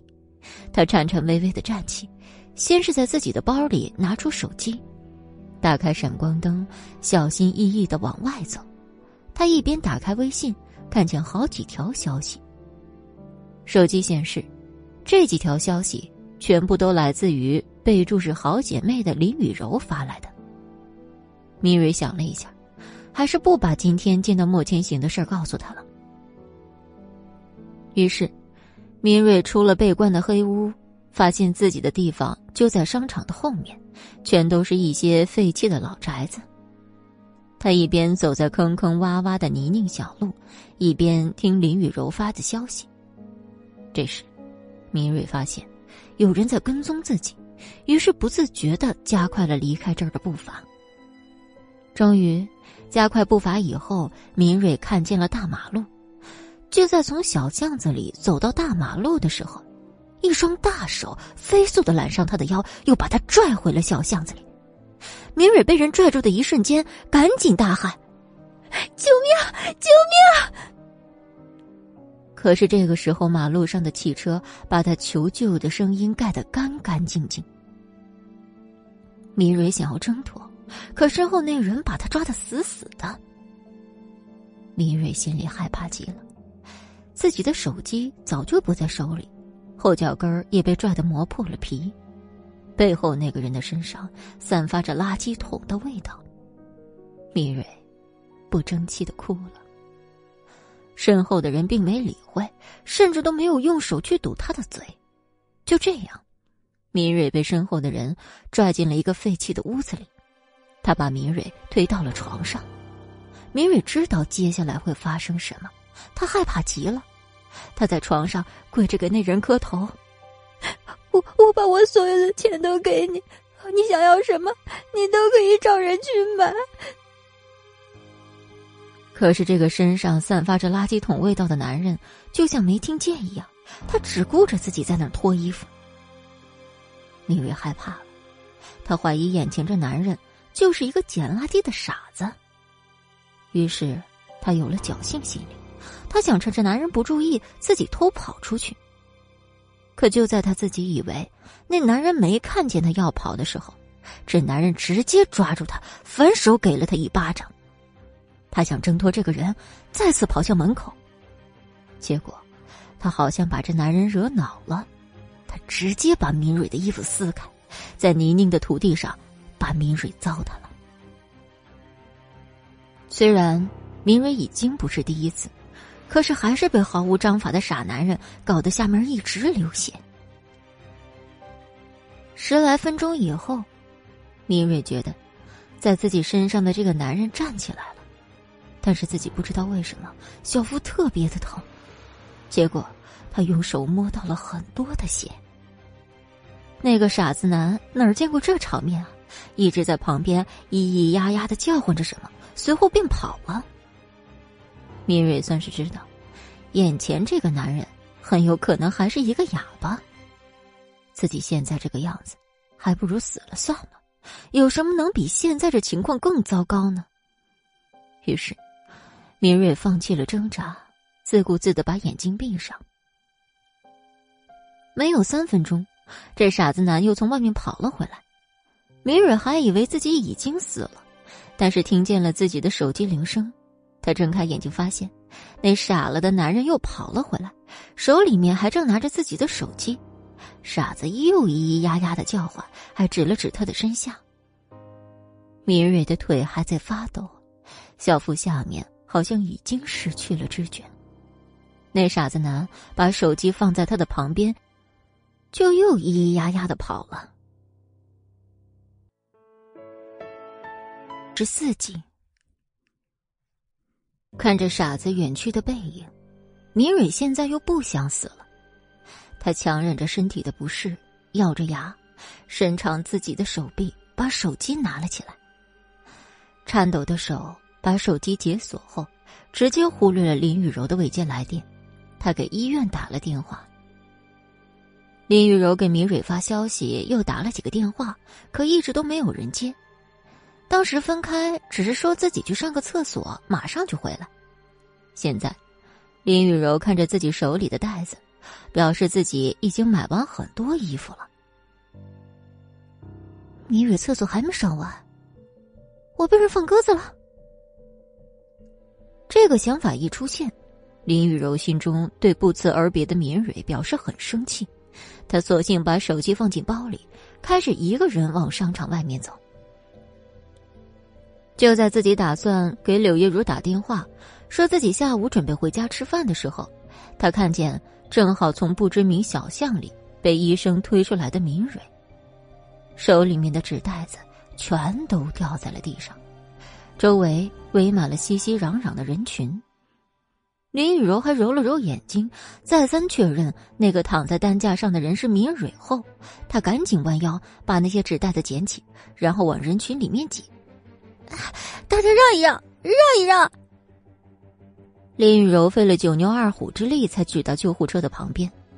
一直在救护车旁边的小护士拦住了林雨柔的去处。小姐，这是救护车。废话，我当然知道这是救护车。这里面躺的是我朋友，我要跟你们一起去医院。护士打量了一下林雨柔这一身的打扮，还有后面车上躺着的明蕊，这完全不是同一个级别的人。林雨柔没在原地等小护士同意，自己抬脚。直接上救护车里坐着。小静刚才也一直藏在人群里，同时也看见林雨柔跟着上了救护车。他看着救护车开走以后，才回到自己车上，转头对坐在后面的莫千行说：“一切都在按照计划行事，我已经在来的路上给那个男人把钱打过去了。知道了，钱包在账上。等你在新闻社那边打点一下。”现在回家了。小金点点头，启动了车子。他看着商场门口周围的人围得越来越多，自己内心越发的感叹莫千行的手段。谁又能想到，今天在这儿发生的一切都是莫千行一手策划的呢？那个充满垃圾桶味道的男人，也是莫千行找来，专门在小巷子里蹲明蕊的。还有，来的那么及时的救护车，还有刚好出来的林雨柔。这一切的一切，你能想到的、想不到的，都是莫千行一手策划出来给明蕊的大礼。其实归根结底，都是因为敏蕊把宋冉关进了电梯里。莫千行知道敏蕊和林雨柔有接触以后，便更不看好这个女人了。既然现在还不能动林雨柔，那么给敏蕊一点刻骨铭心的回忆，对莫千行来说还是小意思。莫千行跟小静回到家里时，果然不出小静所料，宋冉正一个人在沙发上气鼓鼓的。莫千行换鞋子时，感受到宋冉偷瞄自己的目光，但他装作没有看见。掠过宋冉这个大活人，莫千行坐在另一个沙发上，拿出自己的电脑，开始处理公事。小静看这个样子，还不知道等一下会发生什么，所以。他赶紧先一步进入到了厨房，和王妈一起忙活下午饭菜的事儿。过去几分钟以后，宋冉终于憋不住了，他朝正认真工作的莫千行扔了个抱枕，本以为能砸中，结果却被莫千行巧妙的躲开。哼，莫千行，我生气了。宋冉嘟着自己的嘴巴，配上鼓起来的粉红脸颊。莫千行看见这一幕，不自觉的笑了。这笑对宋冉来说更是一种打击。他索性站起来，这样就要比坐在沙发上的莫千行高。宋冉觉得现在又充满了自信。莫千行为了配合宋冉，他把在自己腿上的笔记本拿了下来。生气？为什么？我好心好意去给你送衣服，结果最后。被关在电梯里那么长时间，最让人生气的就是，我以为是我倒霉遇上电梯事故，结果却发现是你的仇家在害我。第一，我助理怎么可能让你从家里面给我拿什么衣服去公司呢？第二，你去公司竟然不去前台，而是私下约定什么负三楼。第三，我把你从电梯里面救出来以后，可是抱了你一路，你很明显没有任何事情，甚至还有点享受。不管莫千行接下来还有没有第四条，宋冉都在他说完第三条之后捂住了他的嘴巴。莫千行被宋冉的手捂住嘴巴以后，不但没有生气，宋冉甚至在他的眉眼中看到了一丝开心的气息。自己的手心好像还有一点汗，想到这儿，宋冉赶紧把自己的手从莫千行的脸上拿下来。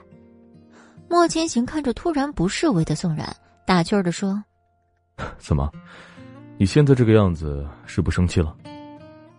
宋冉心中虽还有一点不满，但现在这个情况下，他还是点点头，算是默认自己不生气了。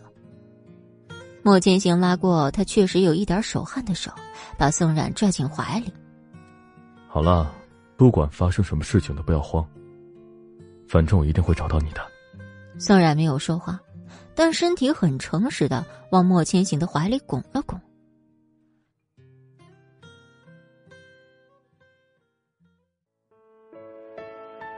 第四百一十五集，明蕊被抬上救护车时，整个人已经完全没有意识了，他处于轻度昏迷的状态。林雨柔自从坐上救护车，就一直在喊明蕊的名字，希望可以把明蕊唤醒。事实就是，这一切做的没有任何效果。旁边的护士一直想让他安静一点可是又不敢说。一路上，林雨柔都没有消停下来，跟车的小护士只好硬着头皮的听着。他实在是不敢惹林雨柔这个彪悍的女人。到了医院以后，医生已经在门口等候。林雨柔先行下车，然后看着医生们小心翼翼的。把明蕊从救护车上抬下来，他跟着一起往医院里走。旁边一个医生看见他道：“你是病人家属吗？现在我们会立即给病人做手术，还请你去交费。”我，我是他的朋友，这东西去哪儿缴费啊？医生一脸不相信的看着林雨柔，心想：他这样也不像是个傻子呀，怎么就问出这种白痴的问题？他指了指前台的护士说：“缴费你不知道啊？你以前没来过医院啊？不知道怎么弄，就去前台问护士。我现在还有别的事情，先去忙了。”喂，你们都怎么给病人缴费的？听见有人说话，护士抬头微笑的说：“缴费啊，缴费就去缴费处啊。”女士，你说话好好说呗，什么态度啊？林雨柔才不管这套。区区一个小护士还想来教训他，问了等于没问。林雨柔觉得这个医院的水平肯定不怎么样。他转身离开了前台的护士站以后，林雨柔想着自己以后生病坚决不会来这医院看病。他觉得自己挺幸运的，因为走了没两步就遇到了一个男人，手里拿着收据单之类的东西，打电话说自己现在要先去缴费。李雨柔一听，自己现在不就需要一个领路人吗？灵机一动，就跟了上去，就这样把钱给缴上了。明蕊在做手术时，整个人是完全不知情的，倒是林雨柔在手术室外面的椅子上坐了好久，都没等到手术室上面的灯熄灭，在手术室门口走来走去，越走越焦急。这个时间过得也太慢了。林雨柔算不上担心明瑞，只是想知道他在小巷子里发生了什么。无所事事的林雨柔刚坐下，把手机掏出，林朗成的电话就打了过来。他很快接起，装作什么都没发生的说：“喂，爸，我在医院呢，朋友出了点事儿。”林朗成那面可没有这么好的一个语气，他直接对着林雨柔一通劈头盖脸的骂：“干什么呀？你对我发那么大火干嘛呀？我怎么着你了？今天咱俩还没见面呢。林雨柔，你现在对你老子是什么态度？你是不知道你现在有多出名是吧？你今天算是给林氏集团长脸了，你现在马上给我滚回家！我我到底干什么了？你发这么大火？来来来，你倒是说出来，让我死个明白。你自己去看看，现在网络上铺天盖地都是你的新闻。林雨柔也不是什么好惹的主，听完林朗成的话，直接挂断了电话，把手机的数据打开，果然蹦出了好几条新闻。点进去看时，林雨柔没忍住，直接爆了粗口：“这他妈都什么玩意儿？哪个狗头新闻社舍出来的？”林雨柔在手术室门口大声的喧哗，路过的人都看着他。这样的行为只能让林雨柔更加上火。他指着那些过路的无辜人说：“看什么看啊？医院又不是你们家开的。”路过的人就是路过而已，被人这样指着鼻子骂，肯定是受不了的。所以不一会儿就来了好几个医生，都是接到病人还有病人家属的投诉。林雨柔这个性格怎么能忍呢？但是无奈他们占了人多的优势。最后，林雨柔直接被请到了一旁的楼道里面冷静一下。在家里面刷微博的宋冉看到热搜第一的时候，整个人都是震惊的，把自己的小熊拖鞋穿好后，拿着手机飞快的跑到莫千行的书房里，看见莫千行正在工作。宋冉只好把自己已到嘴边的话又咽了下去。倒是莫千行，听见宋冉的动静后，懵懵的把手里的活停了下来。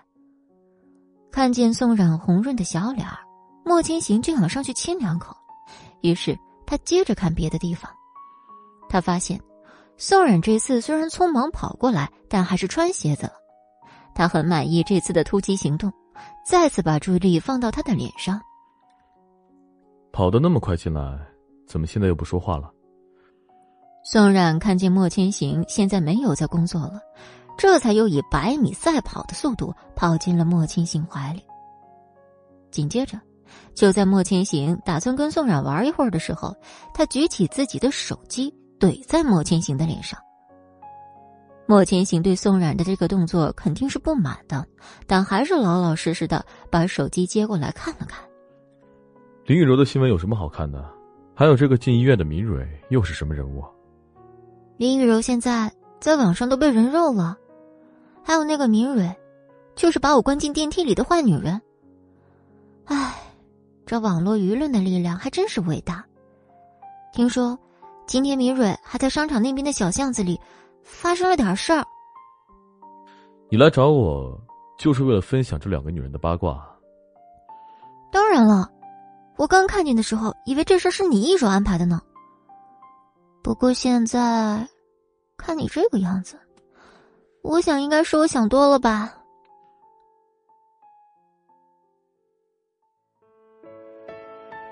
第四百一十六集，莫千行听完宋冉说的话，只是轻轻拍了拍宋冉的小脑袋。我哪有时间去搞这么一出戏啊？现在这种结果，完全就是他们自作孽不可活。哼，善有善报，恶有恶报，这两句话说的真是太好了。也别摸我脑袋，会不长头发的。哦，是吗？你是听谁说不会长头发的？那要不我换个地方摸？切，我才不中你的圈套！你，你快放开我！我要回床上继续刷微博了。虽然宋冉没有正面回答自己的问题，但莫千行对他这个样的回答也是满意的。他抱着宋冉，然后就起身。宋冉吓得赶紧搂紧莫千行的脖子。哇，莫千行，你要吓死我呀！快放我下来，我还有事儿要忙呢。莫千行笑笑，没有要放下宋冉的意思，一边往外面走，一边说。不是说要回床上的吗？正好，我也有事情，要跟你忙一下。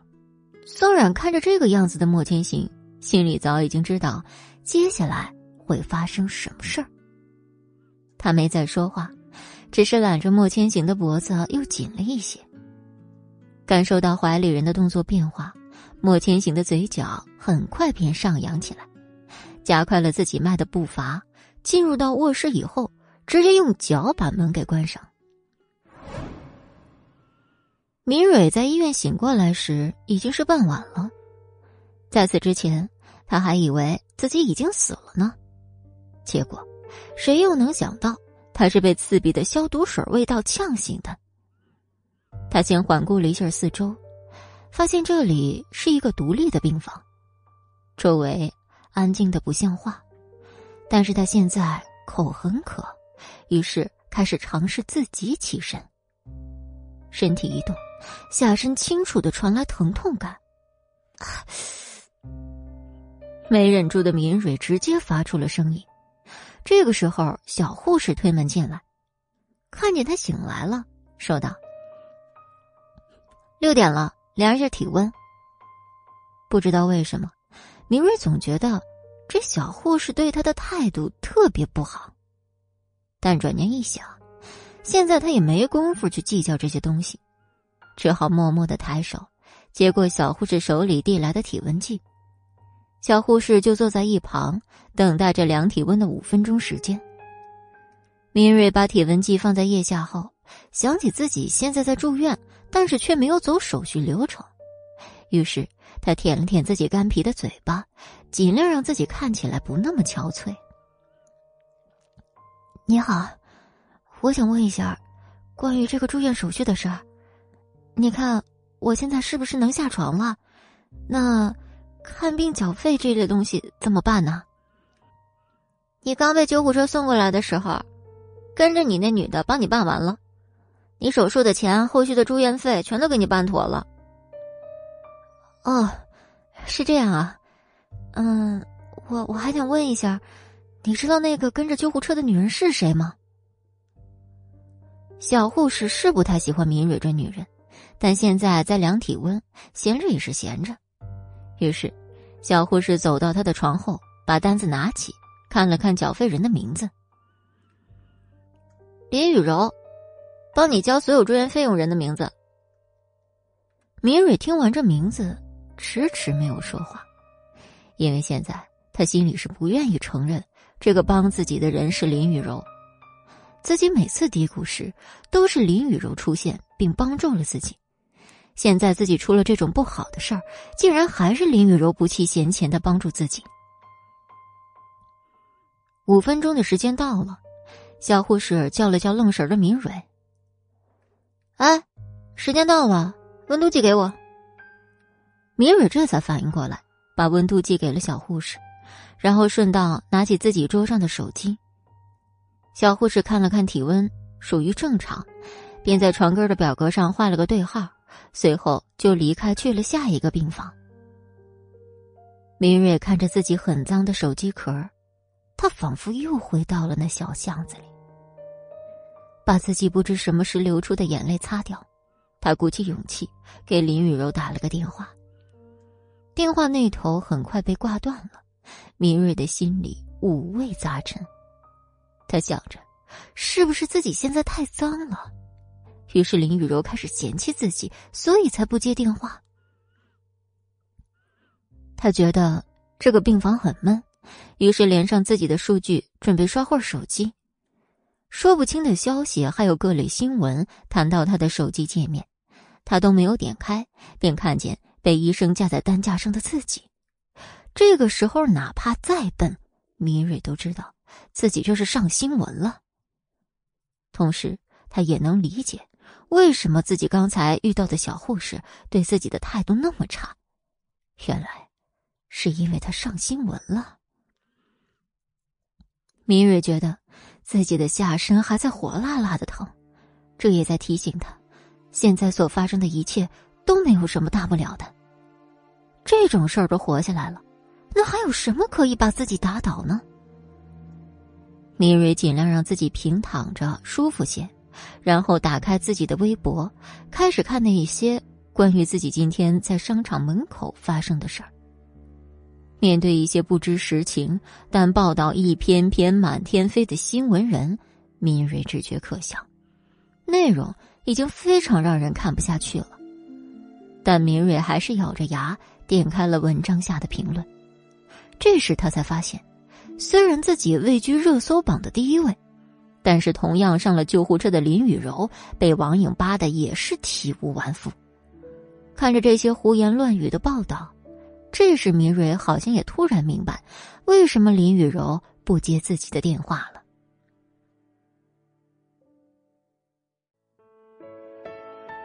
四百一十七集，宋冉今天刷微博的次数是最近最多的一次了，原因就是明蕊在商场的事件一直在持续发酵，像极了幕后有人在操纵。莫千行回到公司以后。就看到在自己办公室门口等待的小静。怎么了？小静听见莫千行的声音后，便低了低头，然后把电脑拿给莫千行。这次舆论的力量还是很强的，微博还有各大新闻都在持续报道。莫千行松了松自己的领带，拿着电脑走进了办公室，坐下以后翻了翻电脑上面显示的数据，若有所思的问。现在敏蕊在哪家医院？小静走向前，在电脑上点了几下后，屏幕上的定位显示，正是 B 市最大的附属医院。莫千行习惯性的开始用手指在他的膝盖上敲动，一下，一下，又一下。小静表示，现在莫千行不说话，他并不知道莫千行在想什么。过了有一分钟之后。莫千行敲击手指的动作停下来，他说道：“明蕊就先放在医院里面吧，现在把注意力转移到林雨柔那里。林氏集团最近虽然已经过得不太好了，但是我觉得，他还可以更不好。”小静会心一笑，明白了莫千行说话的用意。好的，我明白了。小静出去以后，莫千行拿手机给宋冉打了个电话。宋冉正躺在床上休息，接到莫千行的电话，第一反应就是骗子。他翻了个身，又想了一下，莫千行本人的手机号打来的，好像不太可能是骗子。喂，莫千行吗？你打电话来有事儿啊？宋冉略显警惕的声音成功逗笑了莫千行。你没有马上接听我的电话，是不是以为我是一个骗子？害怕我又找你来公司给我送东西。莫千行这一波的发问，像极了一个完美的推理。于是，宋冉在心里暗自神伤。宋冉现在严重怀疑，莫千行是自己肚子里的蛔虫，哪怕被看破心中所想，但宋冉依然不甘示弱的回道：“谁说的？我明明在忙。还有，你呀。”作为一个公司的总裁，你怎么会有时间给我打电话？你是不是公司快开不下去了？下午想要吃什么？我下班带你去吃饭吧。啊，这可真是难得。嗯嗯，面对这么来之不易的机会，莫总，你先去工作吧。等我想好了呢，就告诉你。拜拜。可以主动挂断莫千行电话的人少之又少，宋冉算是其中的一个常客。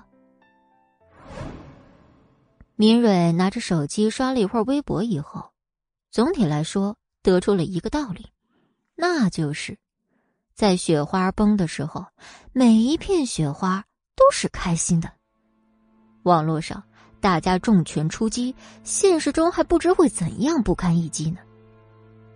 明蕊虽然有很强大的心理，但是在网络上面还是有些不堪一击的。当代年轻人哪有不玩手机的？所以，只能躺在病床上的敏蕊，她只能拿着手机。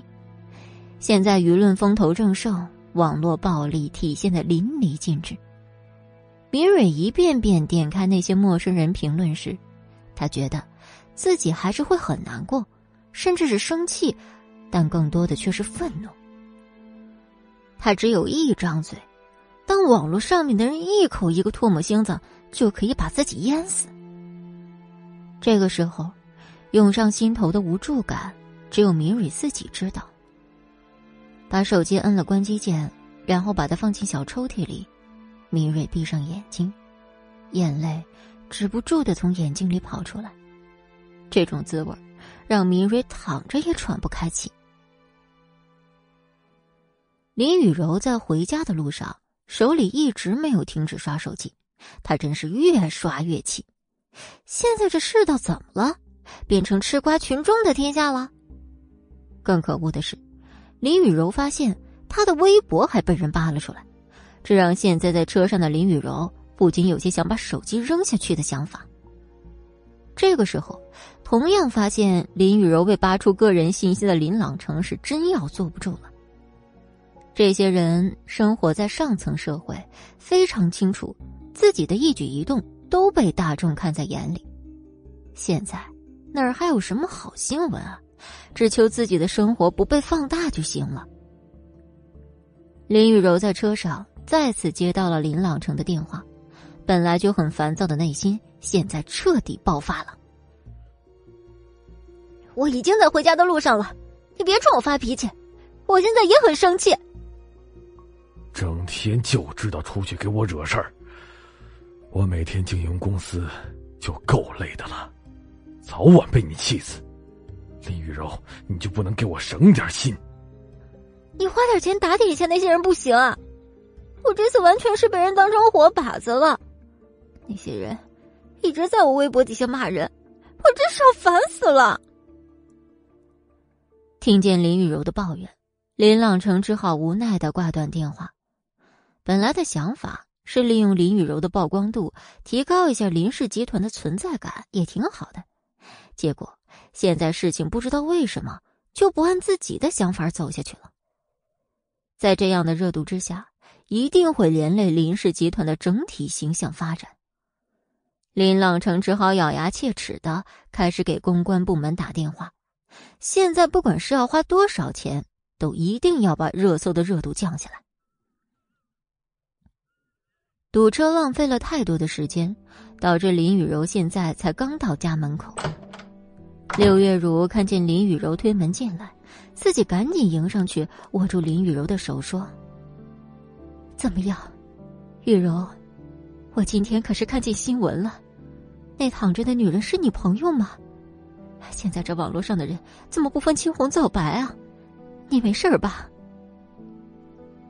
没事的，柳姨。我爸现在应该在处理公关了吧？我有点累，先上楼休息了。”柳月如也不知道说点什么好，于是目光一直追随在林雨柔的背影上，一直到了楼上。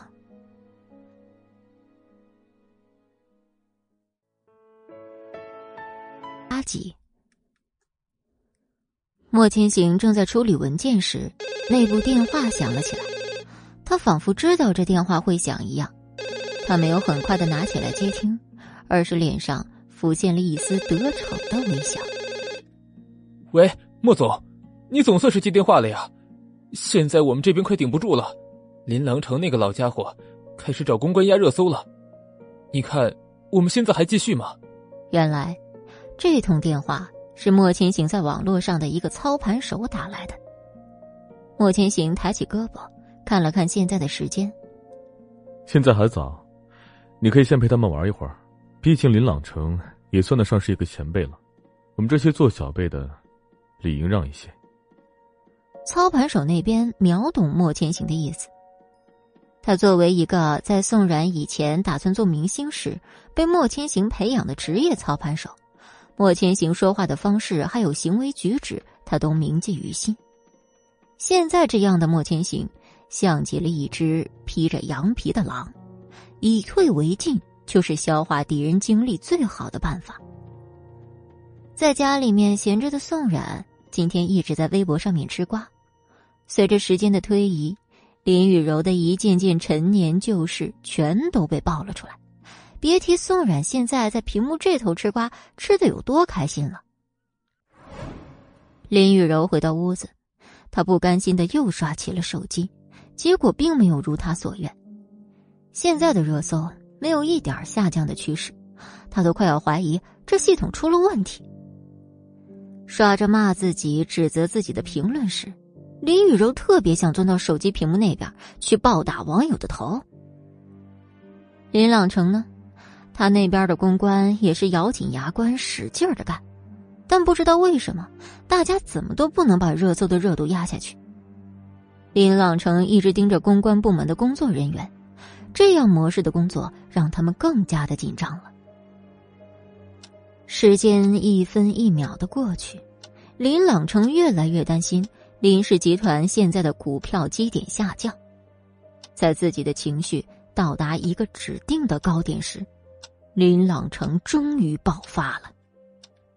都过去那么长时间，为什么这个热度只增不减？我养你们那么久，你们就在这里给我养鱼呢？一个公关部比较说得上话的男人来到林朗城面前。他偷偷看了一眼正在生气的林朗城，略显紧张的道：“林总，我们现在已经在尽快处理了。主要现在这个流量横行的时代，大家的言论确实过于自由了，我们处理起来的确有些小的麻烦，总感觉这个流量来的太过于凶猛。”林朗成现在正在生气，哪儿还顾得上这男人在自己耳边叨叨叨分析的这些东西？他敲了敲桌子，大声的说：“别跟我说那些没有用的，我要看见结果。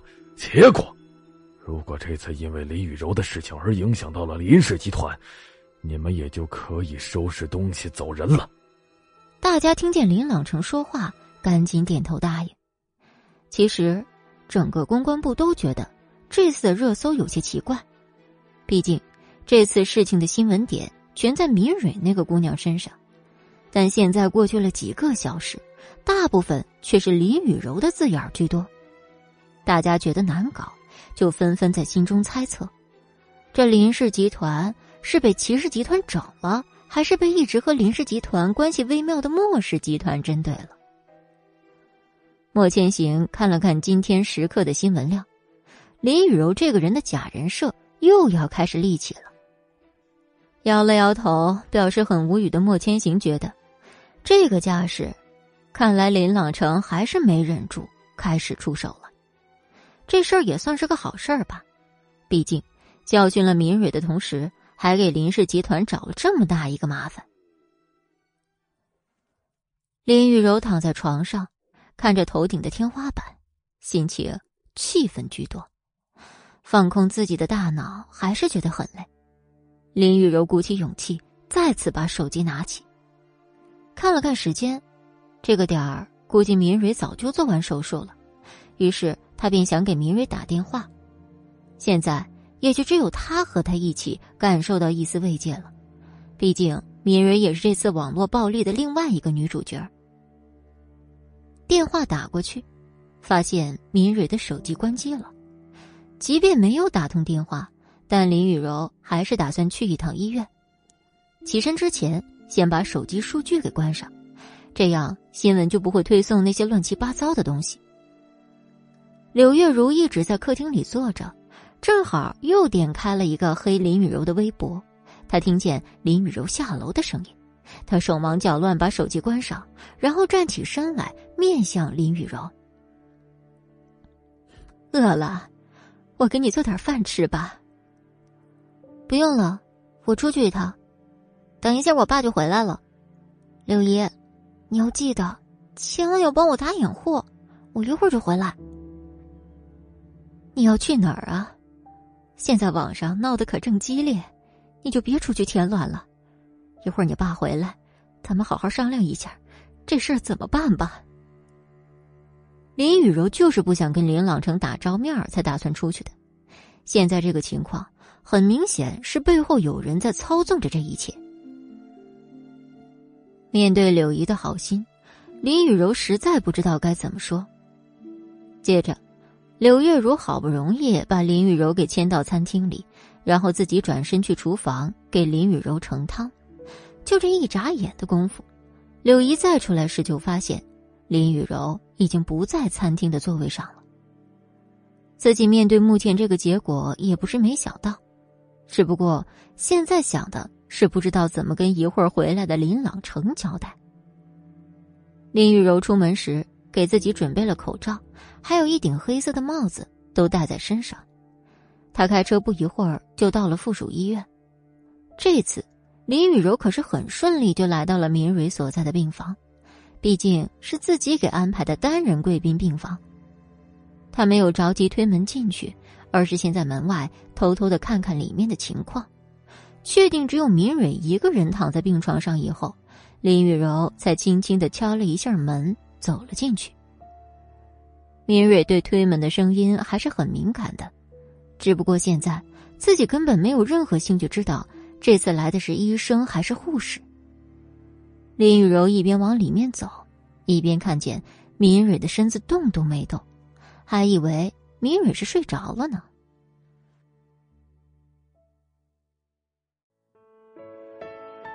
一百一十九集，莫千行接到小静打来的电话：“喂，莫总，医院那边说，林雨柔现在已经去了明蕊的病房。监听好他们的对话，今天晚上，让他们现在好好的聚一聚。”小静收到命令以后，便挂断了电话，然后给医院那边的人安排了新的任务。林雨柔走进来看明蕊时是睁着眼睛的，于是她说：“我来了，你怎么一点反应也没有啊？”明蕊听见林雨柔的声音，还以为是自己疼的出现了幻听，结果真看见林雨柔站在自己面前。可能是林雨柔出现在这儿太不可置信了，明蕊好像某一瞬间忘记了自己身上的疼痛。就在他想要坐起来时，下身刺骨的疼痛使他的面部都扭到了一起。林雨柔看着这样的明蕊，感觉自己都跟着疼起来。为了防止明蕊再次冲动，林雨柔赶紧向前坐在他的旁边问：“哎，你别动着。”好好躺着养伤就行了。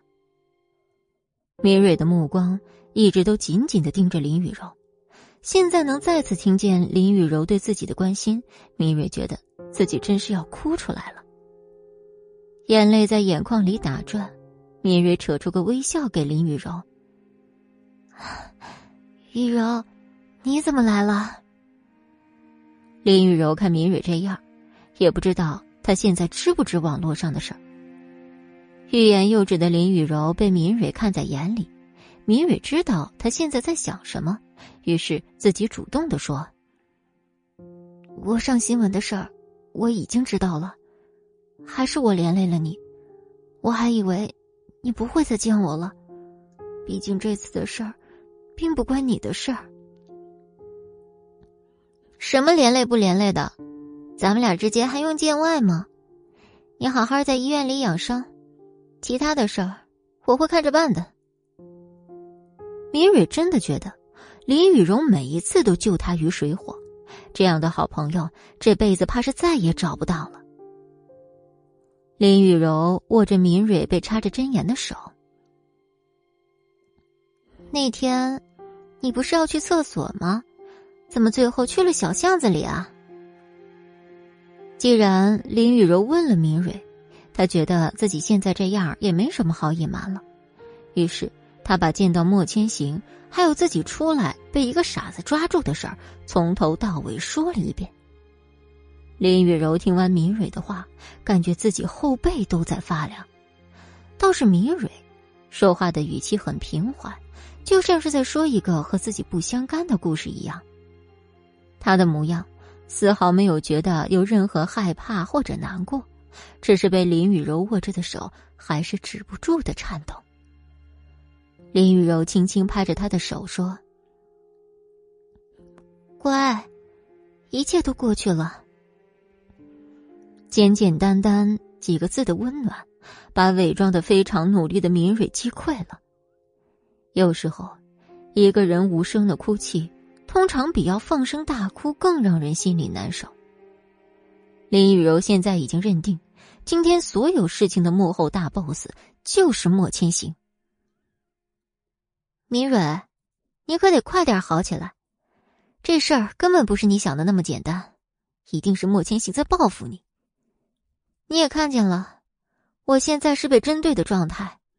我猜是莫千行以为你把宋冉关进电梯的事儿是我指使你做的，于是我就也被报复了。可是，把宋冉关进电梯里是我自己的主意啊，玉柔，我这次是不是彻底连累你了？我还让你一个人背这么大一锅。哎呀，好了，这都不是重点。事情既然发生了，我们就得想办法去对付。对对对，莫千行竟为那个宋冉做这么多不可思议的事儿。今天发生的这个事儿，搞了半天都是他的杰作，我真是恨死宋冉了。林雨柔听见明蕊这么直接的说他恨莫千行、恨宋冉，心中已经有了一个新的计划。千行以前可不是这样的人，自从宋冉这狐狸精出现，一切都变了。我真的也很生气啊！这次新闻的热度肯定会影响我们林氏集团的名声。林瑞听完以后，更加觉得自己愧对林雨柔这个人，他只好又跟林雨柔道歉：“哎呀，你这是干啥呀？其实你也没错。”只不过是被宋冉那狐狸精给算计了，咱们今天受的这罪可一定不能忘。我是真的心疼你啊！你放心吧，自从我被莫千行开除以后，我的人生就被宋冉毁了。等我这次出院，我一定要跟着宋冉好好算笔账。这时，在家里玩游戏的宋冉连打了好几个喷嚏。他还以为是莫千行想自己呢，谁又能知道，其实是因为被敏蕊和林雨柔给惦记上，所以才打的喷嚏。林雨柔看了看时间，自己已经出来快一两个小时了，此地不宜久留。林雨柔给敏蕊倒了一杯水，然后帮他掖了掖被角。林雨柔临走之前叮嘱敏蕊好好养伤，自己有空就会常来看她，然后。把自己的口罩还有帽子戴好，离开了医院。一想到回家正好可以看到林朗成，林雨柔开着车都觉得自己头更大了。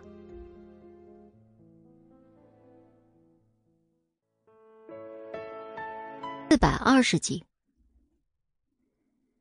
小静收到医院那边人的通知，说林雨柔离开了医院，然后自己便回到了莫氏集团。因为小静看了看时间，现在去接莫千行回家，时间正正好。宋冉小姐要是看到新闻的话，应该想不到，这一切都是莫千行的手笔吧？想到这儿时，小静也不知开始佩服莫千行的脑子是真的很优秀。莫千行正在会议室里开会，被小静念叨的冷不丁打了个喷嚏。在场的工作人员全当刚才什么事儿都没有发生，于是会议顺利的进行到收尾结束。回到家里面的林雨柔在门口就看见林朗成正坐在沙发上看电视，自己赶紧把鞋子换好走了进来。他打量了一下林朗成现在的坐姿，这摆明了就是在这等着自己呢。于是。林雨柔先开口：“爸，我回来了。”柳月如在厨房里听见林雨柔的声音，赶紧走出来说：“啊，雨柔回来了，你爸刚回来不一会儿，你俩快聊聊，我给你们做晚饭。”林朗成看见柳月如再次走进厨房里，才把自己的视线对准林雨柔。今天都已经闯了那么大的祸了，怎么就不能消停一下呢？我是不是下午就让你回家了？怎么现在才回来？你让我回来的时候，我回来了，可网络上面的舆论还是一边倒，我实在是心烦意乱，没什么办法。还有，家里太闷了，我就出去透透气。你一个小女孩就不能给我省点心吗？你知道，就因为你今天上热搜的时候，整个公司可都是在替你擦屁股。我看你早晚把我也给气死。爸，我觉得这次就是莫千行在背地里给咱们放暗箭。其实今天这事儿跟我没多大关系，我说的是真的。我也不知道那些网友怎么就那么强大，我也真是服了。林朗成听见莫千行的名字时，整个人的脸色更不好了。毕竟莫千行曾经差点成了自己的准女婿，可是到嘴边的鸭子就飞了，这真的是好气。想来想去，这一切还都是林雨柔这小妮子不争气，干啥啥不行，整天就知道给自己添麻烦。好了，别再给自己的鲁莽找借口了，这件事情。要真是莫千行那个臭小子做的话，我一定是不会放过他的。嗯，我从家里离开是去了医院，我去见了明蕊，听他说是莫千行做局，无疑了。那既然你都这么确定了，估计是八九不离十了。真没有想到莫千行那个臭小子会这么明目张胆的对付你，我还真是小看了他呢。莫千行本来不是这样的人的，那宋然真是太碍眼了，多次坏我的好事。过去这么长时间了，竟然还能待在莫千行的身边。这话正好被刚从厨房里面端菜出来的柳月如听见。宋冉这名字对他来说也算是有点牵连的，自己未出世的孩子应该跟宋冉是同父异母的妹妹。想到这儿，柳月如觉得自己还有什么资格去回忆这些事儿呢？整理好自己的情绪，柳月如走到客厅，聊了这么久，肚子都饿了吧？饭已经做好了，咱们边吃边聊。林雨柔提到宋冉就来气，哪儿还有什么心情吃饭？但是看见爸爸起身走过去，自己也只好跟到餐厅。吃饭时，林朗成突然想起林雨柔说的最后几句话。要是林雨柔说的话都是真实的，那么宋冉这女人就是莫千行的命门。这样一来，那自己一直留着的那个宋二伯便又能派上用场了。林朗成初步有了一点想法后，便开始安心吃饭。柳月如看见坐在一边吃饭的妇女都不怎么说话，自己就算使出浑身解数来调节这餐桌上的气氛。在大家吃的差不多时，林雨柔第一个率先回了屋，林朗成叫住他：“热搜的事情不要在意，一直在处理，估计很快就全部消失了。”林雨柔就知道，自己父亲虽天天嫌弃自己，但是对自己还是很好的。于是，林雨柔笑盈盈的跟林朗成还有柳月如说了拜拜以后，上楼回到自己房间。林朗成看见这个样子的林雨柔，真不知道这孩子到底随了谁。他起身对柳月如说：“我去厨房处理一些事情，你先睡，不用等我。”啊，去吧，别太累了。就这样。林朗成来到书房，然后把门反锁。他在书房拿出手机拨打一个陌生的号码，但对方一直都是无人接听的状态。这种情况是第一次发生，林朗成总有种不好的预感。于是把电话挂断以后，他给另一个号码打了电话。电话很快被接通了，那边的人应该也在吃饭，周围的声音特别嘈杂。那人大声的说：“林总，这么晚了，什么事情啊？我打老宋头的电话，怎么没人接啊？你帮我去他家里面看看吧。”啊，老宋，有两天没有看见他了呢，我还以为你把他接走了，你联系不上他了吗？林朗成听到这儿，直接就把电话挂了，满脑子都是宋二伯失踪了。